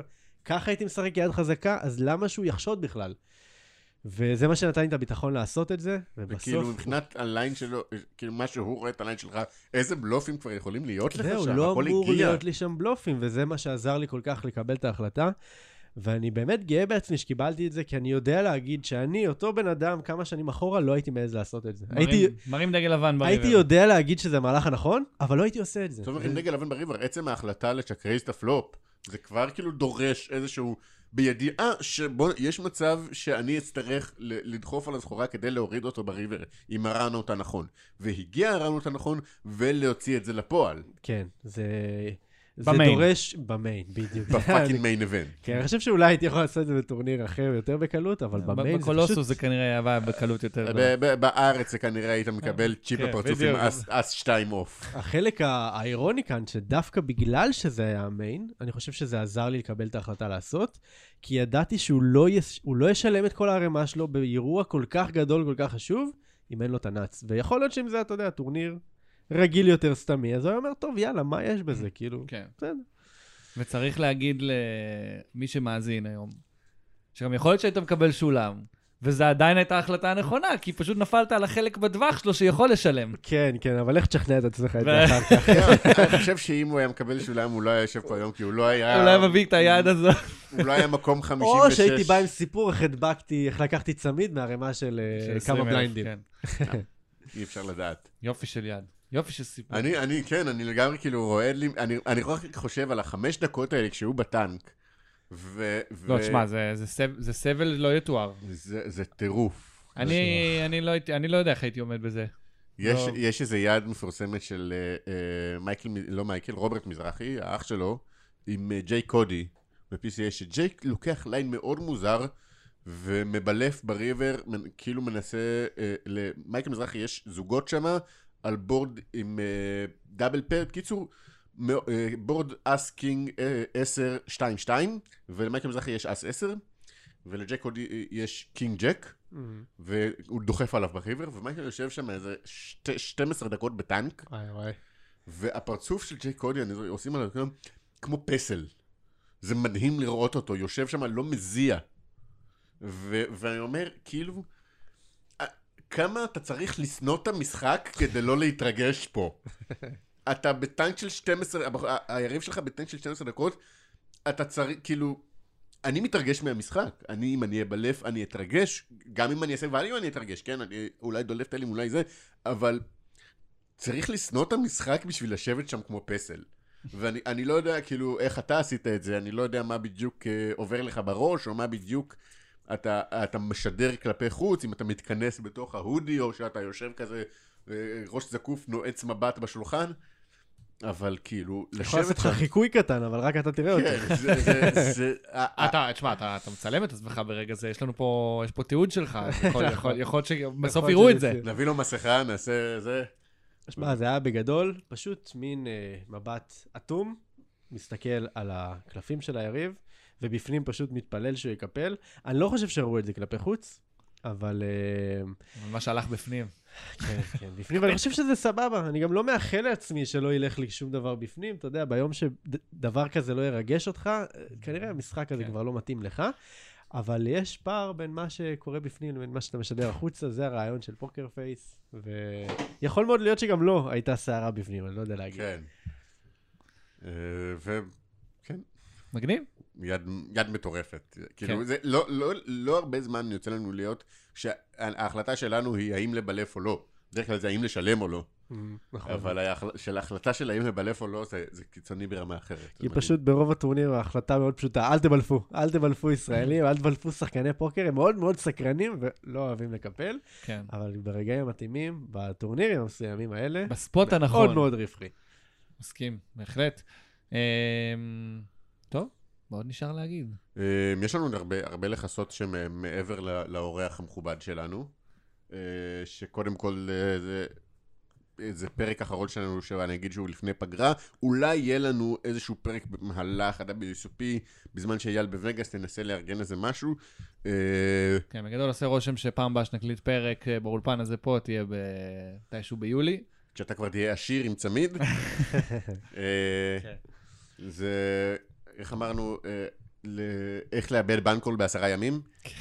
אה, אחלה שם לספר. זה אחלה שם, זה כן. לגמרי. אה, ואני גם חשבתי על השם לפרק הזה, שזה מלחמת ששת הימים, אבל... וואו, יפה. זה- אני זוכר כש- כשפיתגורס היה פה, קראנו לזה ויהי ערב ויהי בוקר יום השישי. אז זה. שוב באותו כן. באותו זה. בכל מקרה, זה גם פרק 66. זה גם בכלל. פרק 66, אתה רואה מה ושש זה? זה המספר האהוב עליי, אז Mhm. כאילו... ו-666, וכן. כל המשמעויות של זה. אז קודם כל, פרץ, שוב תודה שבאת. באהבה, רגע, אנחנו לא נועלים, יש עוד. כמה דברים להגיד. איתו או... לא, אני- קודם כל נגיד לו תודה. נגיד שנייה, תודה, תכף, כן. בסדר. תפרד מהאורח. אתה מגרש אותו כבר? לא, אני קודם כל אומר לו תודה שהוא בא. זה- נימוסים בסיסיים, אחי. עושה שולחן. נגיד טיסה נעימה. נגיד אה, שתרוץ טוב. קודם כן. כל שיטוס טוב, ואז שירוץ טוב. כן. זה השילוב. כן. כן. מה, מה, מה על הפרק? תזכיר לי. על הפרק ערוץ הטלגרם שלנו, נכון. שהחל מיום שלישי, תשע בערב שעון ישראל, אח- 11 בבוקר שעון וגאס. הקלף הראשון יוצא לדרך, אה, בדרך כלל זה, זה תמיד מתחיל עם אה, אליפות ה staff, הצוות, הזה, זה דילרים, כן, כתבים. אנשים שאתם לא מכירים, אה, גם אה, שאפילו אני לא מכיר, אה, ומשם פשוט כאילו אקשן בלתי פוסק אצלנו בערוץ הטלגרם, יותר מאשר בווגאס. אה, אני כרגע מובטל, אז בטח יהיה לי יותר זמן לעדכן על הכל. ותפנה למי שטס, למי ששם. ש... כן, ואם אתם שם, אייל יהיה שם, אייל יביא עדכונים, מס, יביא... מס, אני עד, רק ב-23 לשישי, יש פה עוד כמעט את כל חודש יוני כן. שאני לא אהיה שם. אם עדיין. אתם שם, שלחו לנו הודעה או לפודקאסט, או אם יש לכם את המספר שלי, אני מספיק קבוצות כדי שקל להשיג את המספר שלי. אפשר לשלוח גם אליי. אפשר לשלוח כנ"ל לא גם כן. לאייל, אבל שתדעו שאם אתם שולחים עדכון לאייל ולא אליי, זה- זה גורם לי לבעור מבפנים. גם רוב הסיכויים שאני לא ער בשעות שאתה תהיה ער. כן. אמ, אז אה, שלחו לנו עדכונים על כל מה ש- שיש לכם, כל איזה ריצה עמוקה, כל שקית שארזתם, איך אני אוהב להגיד, אם אתם ברל של חבר שסגר עסקה בוונישן, אלה, אה, נגיד הוונישן, האריה, הווין, אלה מקומות שאני פחות, יש לי, יש לי עין שם. אז, אז כן, אני אשמח לעדכונים על כל מה שקורה שם. אה, ובאופן כללי, פשוט תבואו לעקוב. גם השנה, אגב, אני הולך לעשות משחק של שם אה, אחד שאני ממציא. וואי. שמע, זה גאוני. אה, ונראה מי יעלה עליו. אני, אה, צריך ו- לבדוק אם אה, יניב פרץ פרוחננקובס גם השנה יהיה ב-WSOP. בבקשה, לא לבלבל אותנו. ואם את- אם כן, תשיג איזה סלפי איתו. ש- ש- ש- שנעשה- נכון. נעשה, נראה לכולם מה ההבדל. יש לו, אני תמיד שוכח, יש לו, הוא כאילו, הוא מוכר בקהילה הישראלית, יש לו איזה כינוי, כאילו, שמשהו משחק אונליין, אה, ואני משחק. לא זוכר איך- כן? איך אה, זה, וכאילו, כולם מכירים אותו בתור זה. אבל אה, כן, בכל מקרה, תהנו בווגאס, אה, ותביאו כמה שיותר הצלחות וכמה שיותר גאווה. תגיעו בשלום, תחזרו בשלום. אה, אני, אני, אני לא יכול לחכות. בהחלט, ועוד נקודה חשובה, שאמרנו אותה בתחילת הפרק, ונגיד אותה שוב, ביום רביעי הקרוב, ראשון לשישי, יש, אה, אנחנו והאקדמיה לפוקר מרימים טורניר לוויין אה, לאירוע וראייטי. אירוע אירוע- טורניר הפוקר השנתי של וראייטי יתקיים ב-12 לשישי, בטרסק ביפו, כן, בטרס, נכון? אני לא ב- ב-? לא ביפו, בנמל תל אביב. נמל תל אביב, כן, עכשיו לא יודע למה אמרתי יפו. אמ, ואנחנו נחלק אה, לפי כמות הכניסות, אבל אני מניח שלפחות שני כרטיסים יהיו שם. אה, התק- התכנון שניים, התקווה היא שלושה, כמה שיותר שיבואו וכמה שיותר כניסות שיהיה לטורניר, אנחנו נוכל לתת יותר, בוא, קודם כל לתת יותר לעמותה, לתת יותר כסף לאנשים שצריכים, לילדים, ל, ל, למטרה טובה, וגם בואו, זה... תבואו לצחוק איתנו, זה אני ואלקנה זה- נשחק, זה יהיה בעיקר צחוקים. בגלל ש... זה כזה מוז... אני אמרתי מתחילת הפרק, זה נורא מוזר לשחק טורניר לוויין לטורניר שגם הוא, העיקר בו זה לא הטורניר. אני זוכר ששאלתי את יניב, אני לא זוכר אם זה היה, אם באחד הסשנים של הזום או בפרק שהוא היה פה, שאלתי אותו, מה, איך היית משחק יותר רציני, יותר את ה-A-game שלך? האם זה היה בטורניר freeroll, על- עם פרסים של freeroll, שאתה לא משלם לו כסף ויש פרסים כספיים, כמובן לא גדולים, או בטורניר צדקה. טורניר שאתה משלם סכום כניסה נכבד, אבל אה, אה, אין בו פרסים. ואני נתת תשובה ארוכה ש, ש, שאני לא זוכר בדיוק את כולה עכשיו. אני מת לדעת, בוא, בוא, בוא נשמע מה...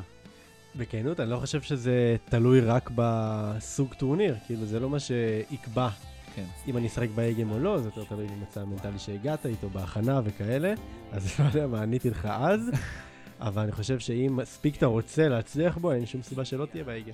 נכון, אז- וצריך להגיד, באירוע ב-12 לשישי, כדאי לכם אה, לנסות להדביק אה, כרטיס אה, אצלנו. כל שנה יש שם סלבס של פוקר, סלבס לא של פוקר.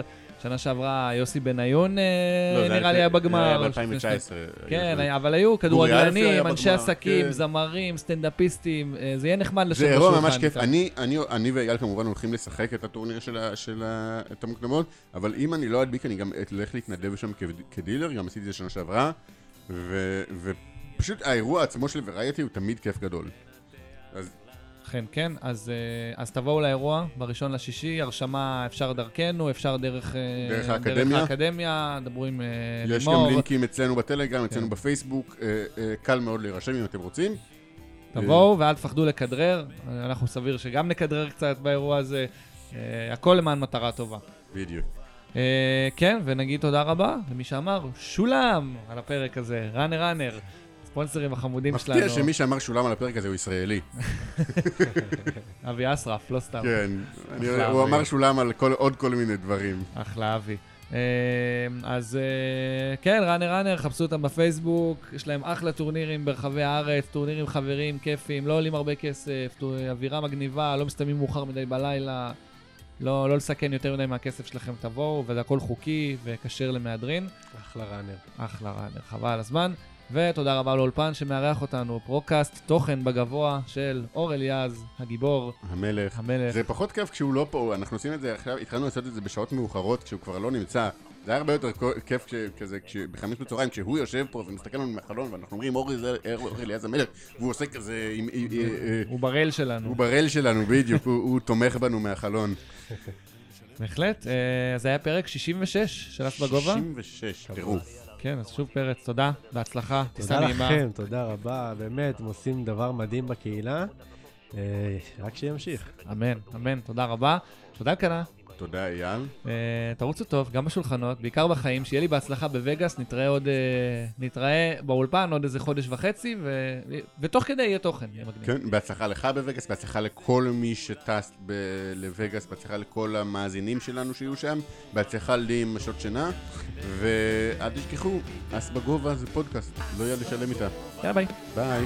בגובה, לא יד לשלם איתה כולה זה אס בגובה בגובה, אס לא יד לשלם מכזה